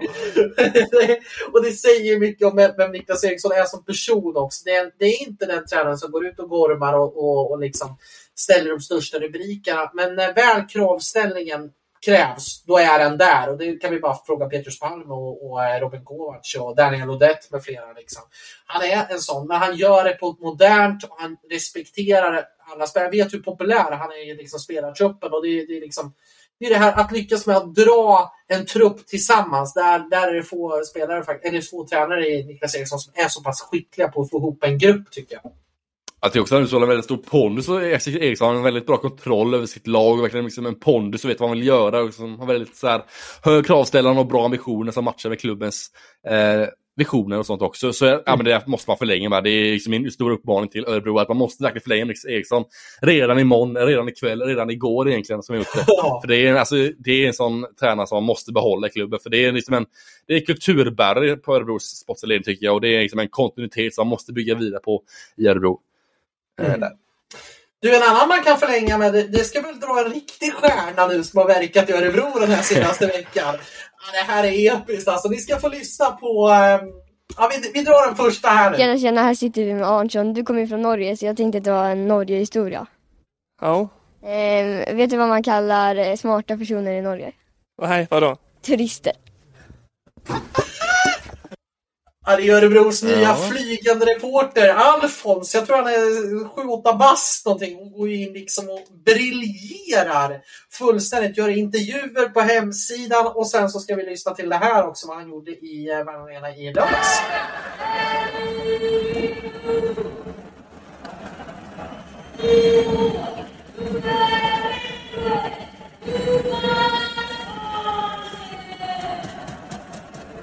Ja, han gick in och hade fullständig låda där och liksom eldade igång publiken och liksom skapade ju en fantastisk atmosfär. Han gjorde det här även i fjol. Vilken, vilken stjärna! Det är ju veckans stjärna måste vi säga. Ja, verkligen. Ja, men snacka med Eriksson, ge han, alltså, ge Eriksson ett kontrakt han verkligen vill ha. Ja, men ge den här killen ett kontrakt han vill ha också. ge han en, liksom en eh, långtidsanställning som kommunikatör eller som speaker, någonting. Bara ge han någonting kul så får honom stanna för det är en härlig karaktär som vi verkligen behåller där. Den lille sexåringen. Ja men fantastiskt, Absolut. man hör också hans kärlek i rösten, säger till Jonas Ansen på laguppställningar. Jonas Ansen! Och så bara går Han är så inlevelse, han har sån pondus, han har sån ja. utstrålning. Ja, det är bara att skriva med honom. Alltså, Ludvig Andersson, presskommunikatör i Örebro, han kommer för tufft. Ja, du, konkurrensen ökar i Örebro på kommunikatörssidan. Det är inte bara på spelarsidan. Exakt. Ja. Exakt. Nej, fantastiskt. Nej. Det är en riktigt lovande speaker på det. Ska vi gå över på nästa lag? Det tyckte jag verkligen vi gör. Färjestad är nästa lag från Värmland. Två vinster, en förlust denna veckan blev det. Man inledde veckan starkt och med två vinster på torsdags och tisdags. Man vann mot Hockeyet i tisdags med 4-1 och man vann efter straffar mot Malmö i torsdags med 2-3 efter att Max Lindroth avgjorde matchen. Eh, sedan så vann, eh, torskade man efter overtime i lördags mot Växjö Lakers. En väldigt, tillf- eller väldigt tät och jämn match. skulle gått lite hur som helst känns som där, men där Pocke gjorde en bra vecka bland annat och eh, Joakim Nygård gjorde också en bra vecka, han blev målskytt i lördags tycker, eh, för, för Färjestad. Men vad tycker du om eh, Färjestads vecka Andreas? Var det en glimrande vecka från eh, värmlänningarna? Ja, men det är ändå starkt. Alltså, man, man får ju också sina absolut bästa spelare och ligans kanske absolut bästa spelare. Theodor Renström skadad och blir ju skadad framförallt eh, till att börja med i alla fall till uppehållet här nu. Fick ju åkte in i stolpen och otäckt. Det var ju lite likt, det var det Mikael Lindqvist som gjorde också nere i Malmö för några år sedan om jag inte helt fel och drog väl korsbandet då. Mm. Eller fick, fick någon form av benskada i alla fall. Ja. Eh, och blev borta. Eh, nu ser det väl i alla fall lite lo mer lovande ut på skadefronten den här gången. Men det, det är självklart tråkigt att man tappar liksom det. Och man har ju haft lite skadeproblem tidigare med liksom Daniel Wikström och flera som har dragits med, med skavanker. Eh, Wikström är ju fortfarande inte tillbaka. Eh, jag tycker ändå imponerad av Färjestad och framförallt är, är imponerad av Dennis Hildeby som jag tycker går in och gör det jättebra när han väl får chansen. Och, ja, men det är flera spelare som jag tycker tar, Max Lindroth med flera, som, som går in och tar liksom men bra initiativ och när det väl krävs. Liksom. Det, det, jag är imponerad av Färjestad ändå att man, man plockar poängen och man är ett jäkligt svårslaget lag faktiskt. Ja, men på det, mm, måste ge beröm till August Thornberg också på backsidan där. Eh, ny för i år, kom från Hockeysvenskan och Västerås. En väldigt bra säsong i fjol för Västerås, men kommer nu till SHL och tar klivet här upp och ut på ett fantastiskt bra sätt tycker jag än så länge. En defensiv back som verkligen gör det bra i Färjestad tycker jag. Hårt jobb och Alltså, kan spela mycket också och det, det är en bra, alltså väldigt bra back Färjestad och en bra tillgång där i deras försvarsspel. Eh, så han måste jag ge lite beröm till. En annan spelare som också gjort väldigt bra vecka här och som inte har fått så mycket stora rubriker, det är Victor Ejdsell, Victor Ejdsell som har gjort två mål den veckan eh, i torsdags i en och samma match. Eh, en väldigt bra vecka för han och väldigt, han är alltid bra känns som Victor Ejdsell. Han gör sällan några dåliga matcher, Bilar med väldigt hårt jobb, är väldigt stor och kraftfull i sitt spel, bilar med mycket tacklingar och hårt jobb och mycket skott. Och, men det är väldigt bra spelare helt enkelt tycker jag, Victor Ejdsell. Som inte fått så stora rubriker heller, så han måste också ge lite beröm till.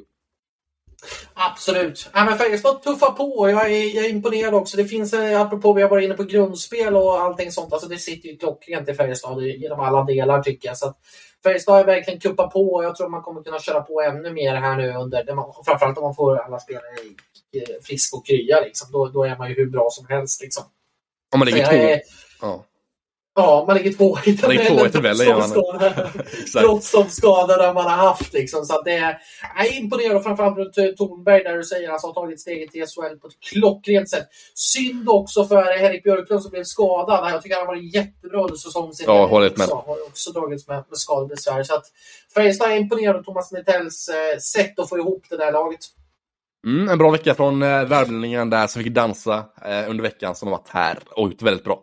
Malmö nästa lag och sista laget att gå igenom den veckan. Malmö då två vinster, en förlust den veckan. Man vann i tisdags mot Linköping med 1-6. En väldigt stark match eh, från Malmös sida där. Gjorde sex hela mål på bortaplan där mot Linköping. Sen torskade man i torsdags efter strafförlängning mot just Färjestad eh, med 2-3. Och sen vann man då mot Malmö och nollade Malmö i, eller man nollade Frölunda i lördags.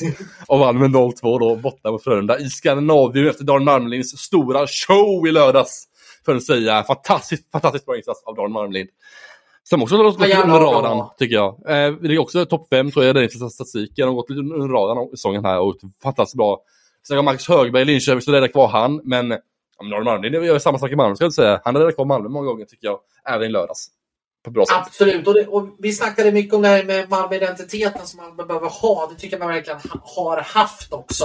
Eh, stundtals under den här veckan och visar prov på det mer och mer. Liksom. Man studsar tillbaka efter det som har varit tungt och tufft. Liksom. Man hittar tillbaka till den här Thomas Kollar-hockeyn på så sätt som man vill, man vill spela. Liksom tajta, tunga, tuffa att möta. Liksom. Jag, jag, tycker att det är, man hittar tillbaka till det, till det segerreceptet. Då är Malmö svåra faktiskt, faktiskt att slå. Liksom. Sen är man ju bra bortaplan. Jag tror det är femte segern man har tagit på bortaplan nu. Det är faktiskt också rätt imponerande. Man är nästan bättre på bortaplan tror jag än hemma.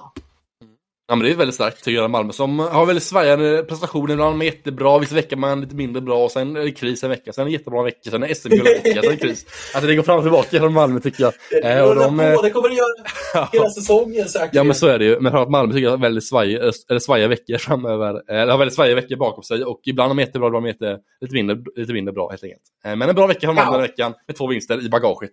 Som man tar med sig för nästa vecka, som man blir se hur Malmö presterar där. Eh, men nu lämnar vi Man Malmö. hitta... Ja, Ja. Jag skulle bara tillägga, man måste Ja, det, hitta det. liksom en, en, en jämn lägstanivå. Det tycker jag. Det, det är där man behöver slipa på framförallt. Liksom. Inte falla när det väl faller rejält på så sätt som man gjort, utan ändå kunna studsa tillbaka. Men eh, nu ska vi gå över till veckans bästa och andra segment i vårt program. Jajamän, veckans hetaste segmentet här då med tre kategorier då. Veckans hetaste händelse börjar med direkt här då. Sex assist i en match gjorde ju Patrik Karlqvist i torsdags mot Rögle då.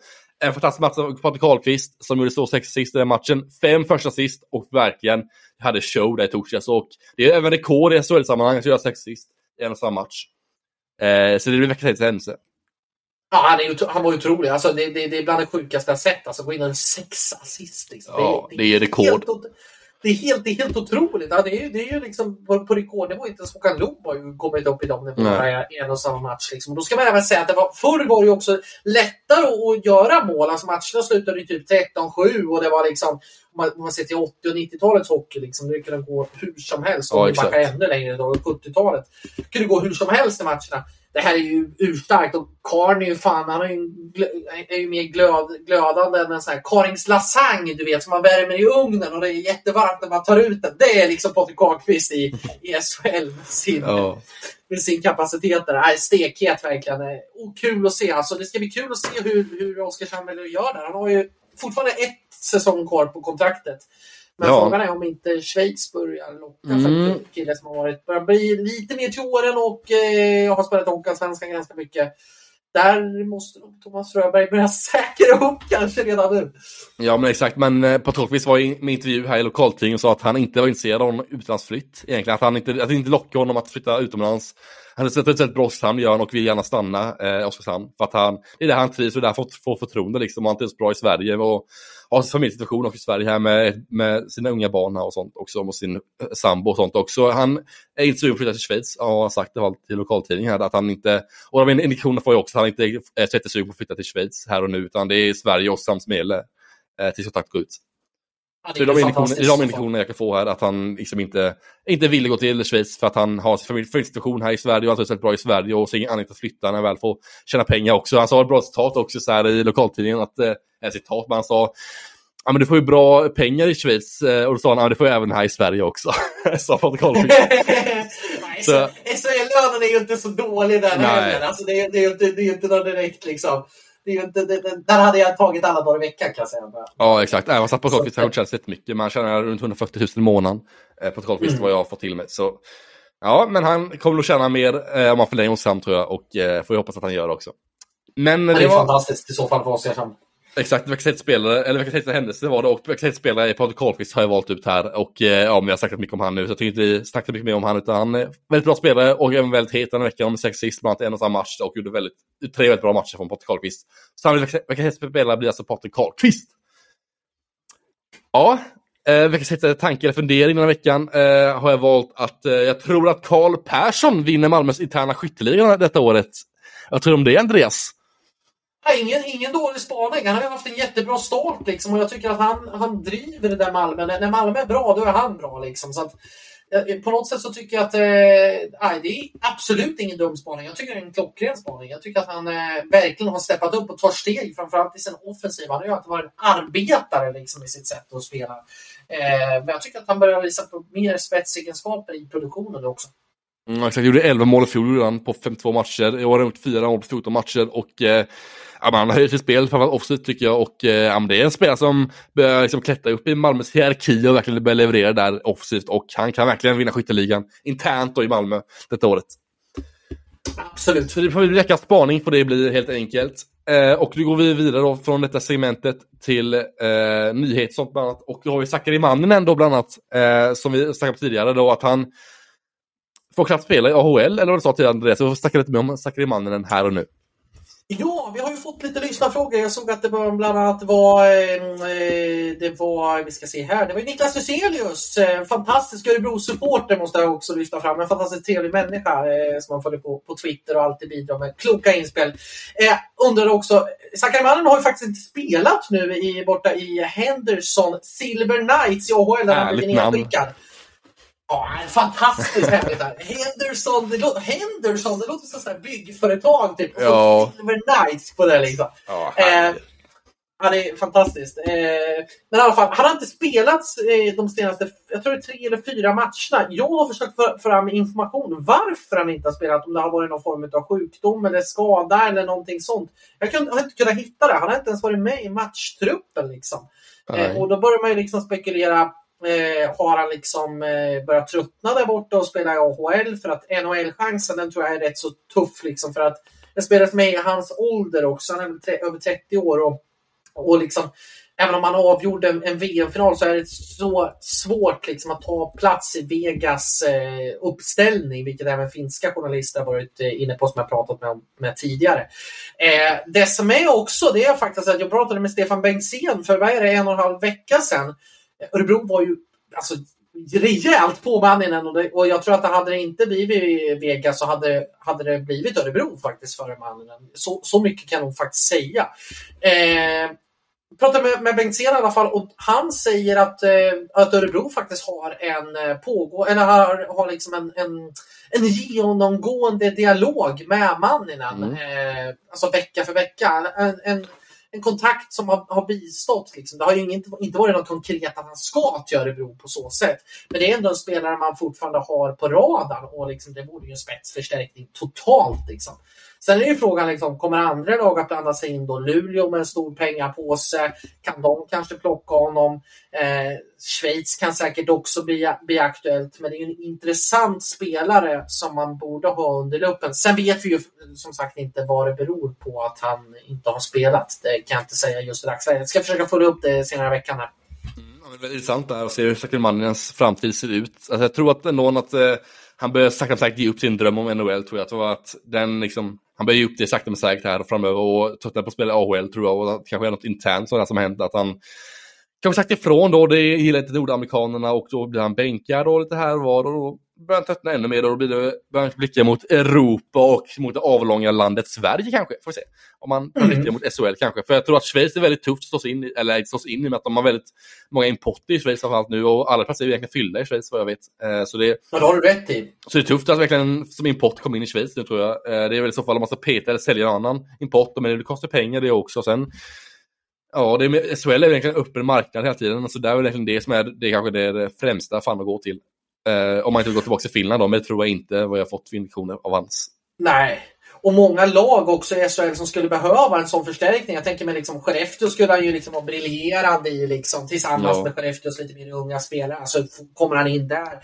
Örebro kunna gå in i en kedja med Rodrigo Avols och, och eh, Mattias Bromé hade ju också varit otroligt. Luleå framförallt som är, liksom, det är exakt den spelartypen de skulle behöva liksom. Och de har säkert varit intresserade av honom. Så att eh, jag, jag skulle, skulle jag vara Sakarimannen, han tjänar väl ganska så bra även om han har ett liksom, kontrakt där och även spelar i AHL. Jag tror han har en månadslön 750 000 dollar, eller, ja, dollar mm. per säsong. Så det är, det är alltså... ungefär 8 miljoner kronor per säsong. Och envägskontrakt har han mm. också då. Så det är ju liksom, han tjänar lika mycket i AHL som han tjänar i NHL. Det är det som är ja. hans kontrakt det är ju rätt mycket pengar. Alltså det, det är ju, alltså det ja, är inte, jag, tror, jag, tror inte att någon, någon, någon SHL-klubb kanske skulle kunna ta över över tid alltså, och göra det liksom i, och betala honom 700 000 kanske man skulle värvas i februari och så betalar man honom säsongen ut. Det skulle man säkert kunna göra. Men ska han gå till en SHL-klubb alltså skriva ett längre kontrakt, då får han nog nästan halvera de pengarna. För jag tror inte att någon klubb kommer kunna betala de, de summorna som gäller. Liksom. Nej, jag tror att han får det han får gå ner i lön, men jag, tänker, jag tror att han också vill tänka med långsiktigt också, för det, han kommer inte få förlängt förmodligen i AHL den säsongen. Han kommer få lämna efter säsongen ändå. Jag känner att det är onödigt att vara kvar, om inte han mår bra där borta i NHL. Han kan liksom hitta något långsiktigt kontrakt här i Sverige. Jag ser på för, liksom, för tre, fyra år med en bra lön. Liksom. Han får halvera sin lön där från han har i Nordamerika kanske till 3,5 miljoner eller 4 miljoner dollar per säsong. Mm. Eh, istället för att ta liksom, 7 miljoner dollar. Eh, så det, eller ja, 700 000 dollar. Men eh, så där får han liksom avväga lite och jag tror att han kommer tänka så långsiktigt också och se vad som är tryggt för han och vad han mår bra av och vad som är bäst för han och lite sånt. Så lite så andra faktorer också kommer att spela in också i det här, inte bara pengar utan det är också andra trygga faktorer som kommer att spela in också i vilket klubbval han velat göra också eh, och när han velat lämna Nordamerika. Absolut, absolut. Yes, men vi har fått mer frågor. Vi har fått. Kul med bra engagemang mm. veckan tycker jag, med många lyssnarfrågor här. Eh, så vi börjar ta nästa fråga här då, från T. Berggren då, en Örebro-supporter som verkar. Han frågar då, eh, tränarbyte säsong, Örebro, Frölunda, Rögle? Frågetecken. Eh, rykten? Frågetecken. Och vad händer med Filander? Eh, ställer han för fråga. Så tre frågor igen där. Vi börjar med första frågan då kanske då, tränarbyte nästa säsong då, Örebro, Frölunda och Rögle då, vad tycker du om det? Att de ska byta tränare eller inte? Rögle har ju kontrakt. De har ju kontrakt till 2024-2025. Nu var väl Mr Maddock ute i sin podcast och berättade att det var någon schweiziskt. Det var väl Mm, Zürich eh, har ju är ju både general manager och tränare nu. Ja, eh, där finns det väl lite möjligheter kanske. Alltså, drömmen hade ju varit, nu har det väl varit finska uppgifter som har plac- placerat Rickard Grönborg i, i, liksom, eh, i finska ligan. Men det hade ju varit kul att få sett honom tagit över ett SHL-lag. Men jag ser ändå inte att Rögle skulle liksom de har ju kontrakt där, nu finns det säkert klausuler och sånt som Ja, gör att de kan lämna. Och, men jag ser inte att Abbott skulle lämna bara för att de fick en dålig säsong eller en dålig säsongstart här nu. Jag ser inte riktigt det.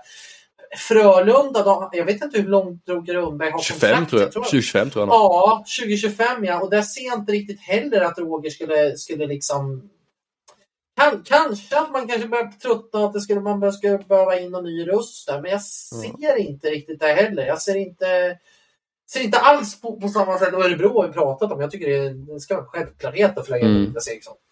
Ja men exakt, jag håller helt med på alla tre punkter där. Eh, Rögle ska behålla sig tränare tycker jag. Det är lite vad de själva vill, Cam Abbott och Chris Abbott. De hittar någon ny utmaning kanske men jag tror de vill ha kvar Rögle och verkligen vinna guldet som de verkligen längtar efter. Eh, Frölunda har ju kontrakt med Roger Rönnberg så det heller nog inget speciellt tror jag inte. Man älskar Roger Rönnberg och hans ledarskap och det bör, man göra för det är en fantastiskt bra tränare eh, och han behövs för Frölunda tycker jag. Och så Örebro, då har ju... Ja, men jag vet inte vad han menar där, men vad händer med Förlander? För han är kontrakt 2025 också, Förlander. Eh, Är det ju omöjligt att få loss så, den. och, han, och jag tror inte han kommer flytta till Schweiz nu heller, för jag tror han kommer stanna kvar fram tills, om han inte åker SHL då. Men det tror jag nog inte att man gör. Så Finlander, jag vet inte vad, jag menar Finlander riktigt, eh, vad med, med den frågan. För han har ju kontakt till Oskarshamn och eh, visst finns det klausuler till Schweiz, men jag tror inte att han är redo för att ta sånt jobb här och nu. Jag tror att det kommer ta ett par säsonger till innan han kommer att lämna för Schweiz. Eh, I så fall. Så han kommer det- ta Oskarshamn, det är jag rätt säker på. Ja, Det har varit lite snack om från vissa supporterhåll i Örebro, men jag tror inte man inser hur... Jaha, just det, just det, det är det han menar. Att, att ska gå, ska gå tillbaka till Örebro då, liksom. Att, Öre, att han ska ta över Örebro, det, det ser jag Ja, det är omöjligt. riktigt, långskott. Alltså det, det, det, nej, aldrig att, att han Ja, då får de köpa upp han. De- Ja, för de köper upp han och det kommer att kosta X antal miljoner att köpa upp Matt Filander kan jag säga. Det kommer för övrigt inte bli första taget. Om det ens går, om Nej. man ens kommer erbjuda, eller om man ens kommer att, nej det kommer inte hända. Nej, nej, Så ingen nej den, den tror jag också vi kan, vi kan stryka. Eh, Men om- men om- säger så här, om Alex Eriksson inte förlänger med Örebro nu då, har du någon eh, spaning där? De ska bli tränare i Örebro. Har du någon sån spaning, Andreas? Eller någon Oh, tanke, vilken- fundering? Vilken jag få bra återkomma till nästa vecka? Vi får återkomma till nästa vecka Ja, kanske. den, den kanske vi ska, ska på uppstuds så här bara, då säger jag faktiskt Rickard Grönborg. Det hade varit Oj. riktigt, riktigt Ja. ballt att ta in eh, honom med den landslagsrutinen och jag hade verkligen velat sett. Han har ju haft lite halvtufft i, i Schweiz. Han vann väl ligan första året där, men sen har det gått lite halvknackigt. Och det är klart att få in en landslagscoach med de rutinerna och med det kontaktnätet så tycker jag att det hade varit jätteintressant att, att se det. En tränare som dessutom säkert blir, han blir säkert blir ledig på marknaden här också. Eh, det, är, det är ett långskott utav bara den liksom. Det är väl Ja, ett är det. slagskott rakt i. Att han skulle ta en klubb som Örebro. Men det är klart att det, det är ett, ett namn som man skulle kunna tänka. Tobias Terimell om han är, är liksom redo för, för eh, kanske ta, ta en SHL-roll som huvudansvarig. Karl Helmersson har gjort det bra i BIK Ja, jag tänkte också. ah, Men, jag tänkte precis säga hans namn. du Fan, det tänkte tog det, alldeles... liksom, Ja, alltså, jag med tänkte helt plötsligt klar. Fan. Och dessutom väldigt bra dialog med Stefan Bengtzén vet jag sen, sen Ja. Bengtzéns tidigare förflutet i, i uh, Karlskoga. Där. Så att det, det är väl dem. Men jag, men jag tycker som sagt Niklas Eriksson ska vara helgjuten. Jag förstår inte vad, vad den sportsliga ledningen i Örebro tvekar på. Det ska, han ska krita på idag. Punkt slut. Ja, jag håller helt med där. Jag tänkte precis säga Karl Helmersson när du var klar där. Så tog du framför mig där. Det var, nej, det var, Det bara Ja, men så kan det vara. lite. ja, jag Ja. att snabbare på den pucken. Men i alla fall, det var den Ja. frågan och vi har även fler frågor här. Eh, först, en till fråga här av Andreas eh, som ställer en fråga som lyder följande. Ett flertal lag i SHL söker spets, målskyttar på en tunn marknad. Med facit i hand Rickard Gynge varit en bra för, nyförvärv för många SHL-lag inför säsongen. Och det kan jag svara på att eh, Rickard Gynge, han spelar just nu i AIK. Det går inte att värva han eh, som har kontrakt där och han kommer inte vilja lämna Stockholmsklubben som han älskar så mycket. Och eh, Ja, för hans del så fanns ju SHL-intresse kring han när han lämnade Växjö, men för hans, för hans del så var det bara Växjö eller AIK som gällde och där fanns ju ingen möjlighet att värva in kring från en SHL-klubb än Vä- Växjö så förlänger man. Så det är möjligt att sparka ganska Exakt. snabbt där för Rickard del och eh, det kommer, vi kommer inte få se SHL tror jag inte igen utan kommer vara kvar i AIK. Tills han slutar med hockey. absolut. Så där får vi inte se han i. SHL igen tror jag inte. Om inte AIK går upp i SHL, men det tror jag inte. Vi har även en till Nej. fråga från Hockeyfika då, verkar vara någon Timrå-supporter tror jag, ser ut som på hans profilbild här. Men i alla fall, eh, han frågar då, tror ni tabellen börjar sätta sig nu? Eh, och vad tror du Andreas? Tror du tabellen börjar sätta sig nu ordentligt, eller vad tycker du? Efter 15 gånger in i säsongen. Alltså, det är så svårt att avgöra. Alltså, jag tror att, det, jag tror att vi, det börjar kristallisera sig kanske att, eh, att eh, liksom, HV kommer få det tufft.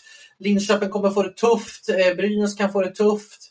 Eh, alltså att man börjar kunna se lite mer kontraster alltså på, på liksom, lagsform och sådär. Men samtidigt, det skiljer, alltså det kan gå så fort. Alltså en vecka och du kan rasa ner från toppen till botten. Liksom. Så det, det är så Mm. jämnt. Det är, alltså, vad har vi mellan, jag ska ta upp tabellen här nu för så jag, tyck, jag, jag tycker vi måste vänta eh, ett också antal veckor till. Jag brukar säga omgång dra 26, slutsatser. omgång 27, omgång 28 någonstans. Där brukar man ändå se lite tendens Mm. på liksom hur tabellen ser ut och lite, att det sätter sig lite efter halva serien spelar ungefär. Lite mer, Mm. det blir lite mer i år eftersom det är lite jämnare i år. Så till omgång 30 kanske, då kanske man kan börja ta lite mer slutsatser om tabellens läge och sånt. Det här och nu är väldigt svårt, för det skiljer väldigt lite poäng. Så från Oskarshamn till liksom en eh, topp 7-plats skiljer liksom, ja vad är det, 6 poäng typ. Ja, 5 poäng skiljer mellan Oskarshamn och Skellefteå som ligger, eller Oskarshamn och Timrå som ligger liksom 6 eller 13 plats. Alltså det är 6 poäng, det är två vinster för, ett, för ena laget och de andra laget ska förlora två matcher en vecka, vilket inte är omöjligt. Så det är liksom det. Ja.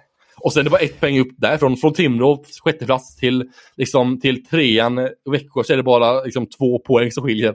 En match mer spelad också. Så alltså, det skiljer otroligt lite. Och det är alltså, lite hackigt också med olika matcher spelade. Vissa lag spelar 15 matcher, vissa lag spelar 16 matcher, vissa lag spelar 14 matcher och, och sånt. Så det skiljer mycket i matcher också. Så det är väldigt hackigt tabell Ja, är det och så skiljer det är väldigt jämnt och hackigt är det. Så det är svårt att dra slutsatser här och nu tycker jag. Verkligen. Jag håller med helt. helt. Jag tycker du har sammanfattat det klockrent. Ja, men det var alla listafrågor den veckan. Härligt med, härligt med lite frågor igen och lite engagemang där, så det är härligt att se. Och det tackar jag så mycket för och hoppas ni ställer frågor i framtiden också. Det är så otroligt kul att svara på. Ja, framförallt, och det engagemanget som har blivit till den här podden. Vi hade alltså 3000 lyssnare förra veckan. Ja, just det är det. liksom rekord. Det är, vi är så glada att ni finns där ute och att ni ger så alla de positiva tillropen ni ger oss varje vecka. Alltså det, är, det är magiskt och jag hoppas att det är lika kul för er som för oss att göra den här fantastiska podden. Ja, men det är väldigt kul att höra alla fina ord och att ni lyssnar på podden så mycket. Så det är härligt att höra faktiskt. Det får vi tacka så mycket för. Men nu Andreas, nu är det dags för quiz eller? Ja, vad säger du? nu är jag laddad. Nu är jag riktigt laddad. ska du jag- såga jag mig istället. Förra veckan så var det jag som eh, sågade dig kan man säga i tävlingen. Nu får du såga mig den här veckan så blir det lite jämnt och rättvist. Ja, herregud. Min, min episka hjärnblödning som blockerade ut Jonathan Jonsson ur mitt kunskapsminne Ja. fullständigt. Ja, det var... Ja du. Hjärnsläpp på ren svenska. Ja. Ha- Hade det funnits en stad som hette Oskarshamn, då hade jag sagt Hade sagt det? Ja.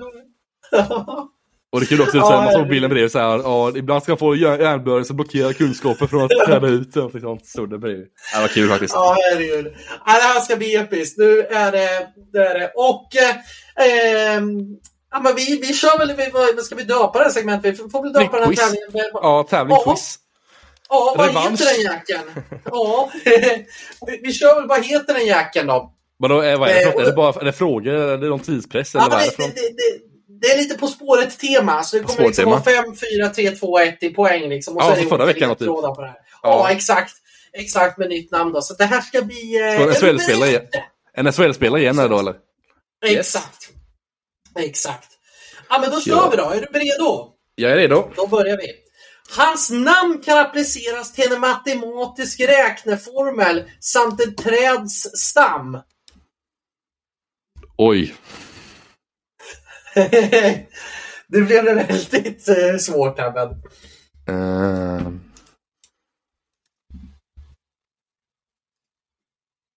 Ja. Ja, vi går vidare. Mm. Fyra poäng. Han har två bröder som verkar inom hockeyn. Tommy och Mattias. Fast de verkar i andra, i eh, andra roller än vad han själv gör. Mhm. Två bröder sa du? Ja. Tommy och Mattias. Ehm, mm, mm. Ja. Ja, men gå vidare till tre poäng. Ja, Tre poäng då. Han har spelat i det NHL-laget som ligger närmast Niagarafallen. Han spelar just nu i det laget, sa du? Han spelar Nej, han, har- han har spelat i, Han har spelat. i, i NHL-laget. Han har spelat i det, i, i det NHL-lag som ligger närmast Niagarafallen. Jaha du. Åh herregud, jag och NHL går inte hand i hand.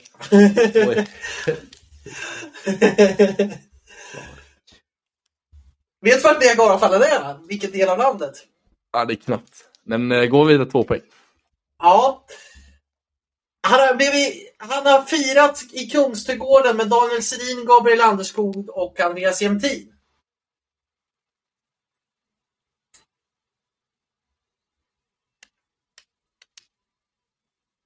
Helvete. nu får du, nu får du Det är någon, det är göteborgare där alltså. Frölunda, Kungsträdgård. Nej, Kungsträdgård, det är fan Stockholm. Stockholm, Djurgården. Stockholmare alltså. Bröderna Sedin. Ja, vi kör ett poäng. Vi kör ett poäng då. Han blev i fjol utsedd till ligans främsta målis och tilldelades Honken Trophy. Han förlängde sitt nyligen, nyligen sitt kontrakt med tre ytterligare år. Ja, Jonas Enroth såklart. Yes! Fan, vad dåligt. Du Rot! tog i alla fall på en poäng. Ja, ja, Ja. exakt. Jag ska förklara nu hur, jag tänkte här nu med mina Alltså, jag- ja. Men det är Jonas Enroth självklart. Ja, Och du, du tog i alla fall poäng. poäng. Jag var ju det är alltid något. Fan, det, tagit det är noll i alla fall. Fan, jag tänkte ju. Ja, men om vi börjar med liksom, kan appliceras, hans efternamn kan appliceras till matematiska rä räkneformer. Ja, men det är ju roten ur, rot. Ja. ja. Och sen träds stam, ja, med rötter. Då. Det var Ja. ett litet omskott. Den var, den var svår kan jag tycka själv. Han har två, två bröder som verkar inom hockeyn. Ja, men det är Tom Enroth som är scout för eh, Frölunda. Mm, En fantastisk eh, på Twitter och en, eh, en eh, poddlyssnare till oss också som vi har fått mycket beröm Ja. Så vi får skicka en stor hälsning till Tommy här också. Och sen är det Mattias Enroth som faktiskt dömer på, är domare i Hockeyallsvenskan. Jaha. Just det, just det, Eh. det tänkte på i veckan. Mm. Och sen är det ju då han har spelat i NHL-laget som ligger närmast Niagarafallen. Han gjorde ju flera år i Buffalo? Buffalo. Ja, Buffalo var det. Ja. Exakt. Så där har han ju varit i väldigt många år också. Har ju eh, gjort mängder med NHL-matcher. Eh, och sen så han har ju firat i Kungsträdgården med eh, Daniel Sedin, Gabriel Landeskog Andreas Jämtin. Han var ju med i det här guldlaget från 2013. Eh, där alla de spelarna Oh. faktiskt var med.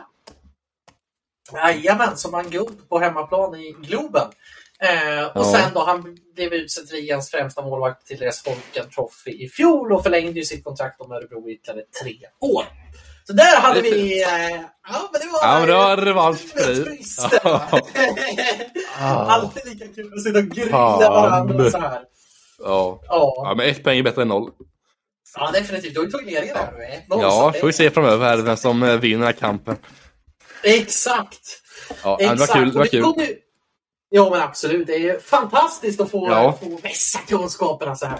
Ja, Ja.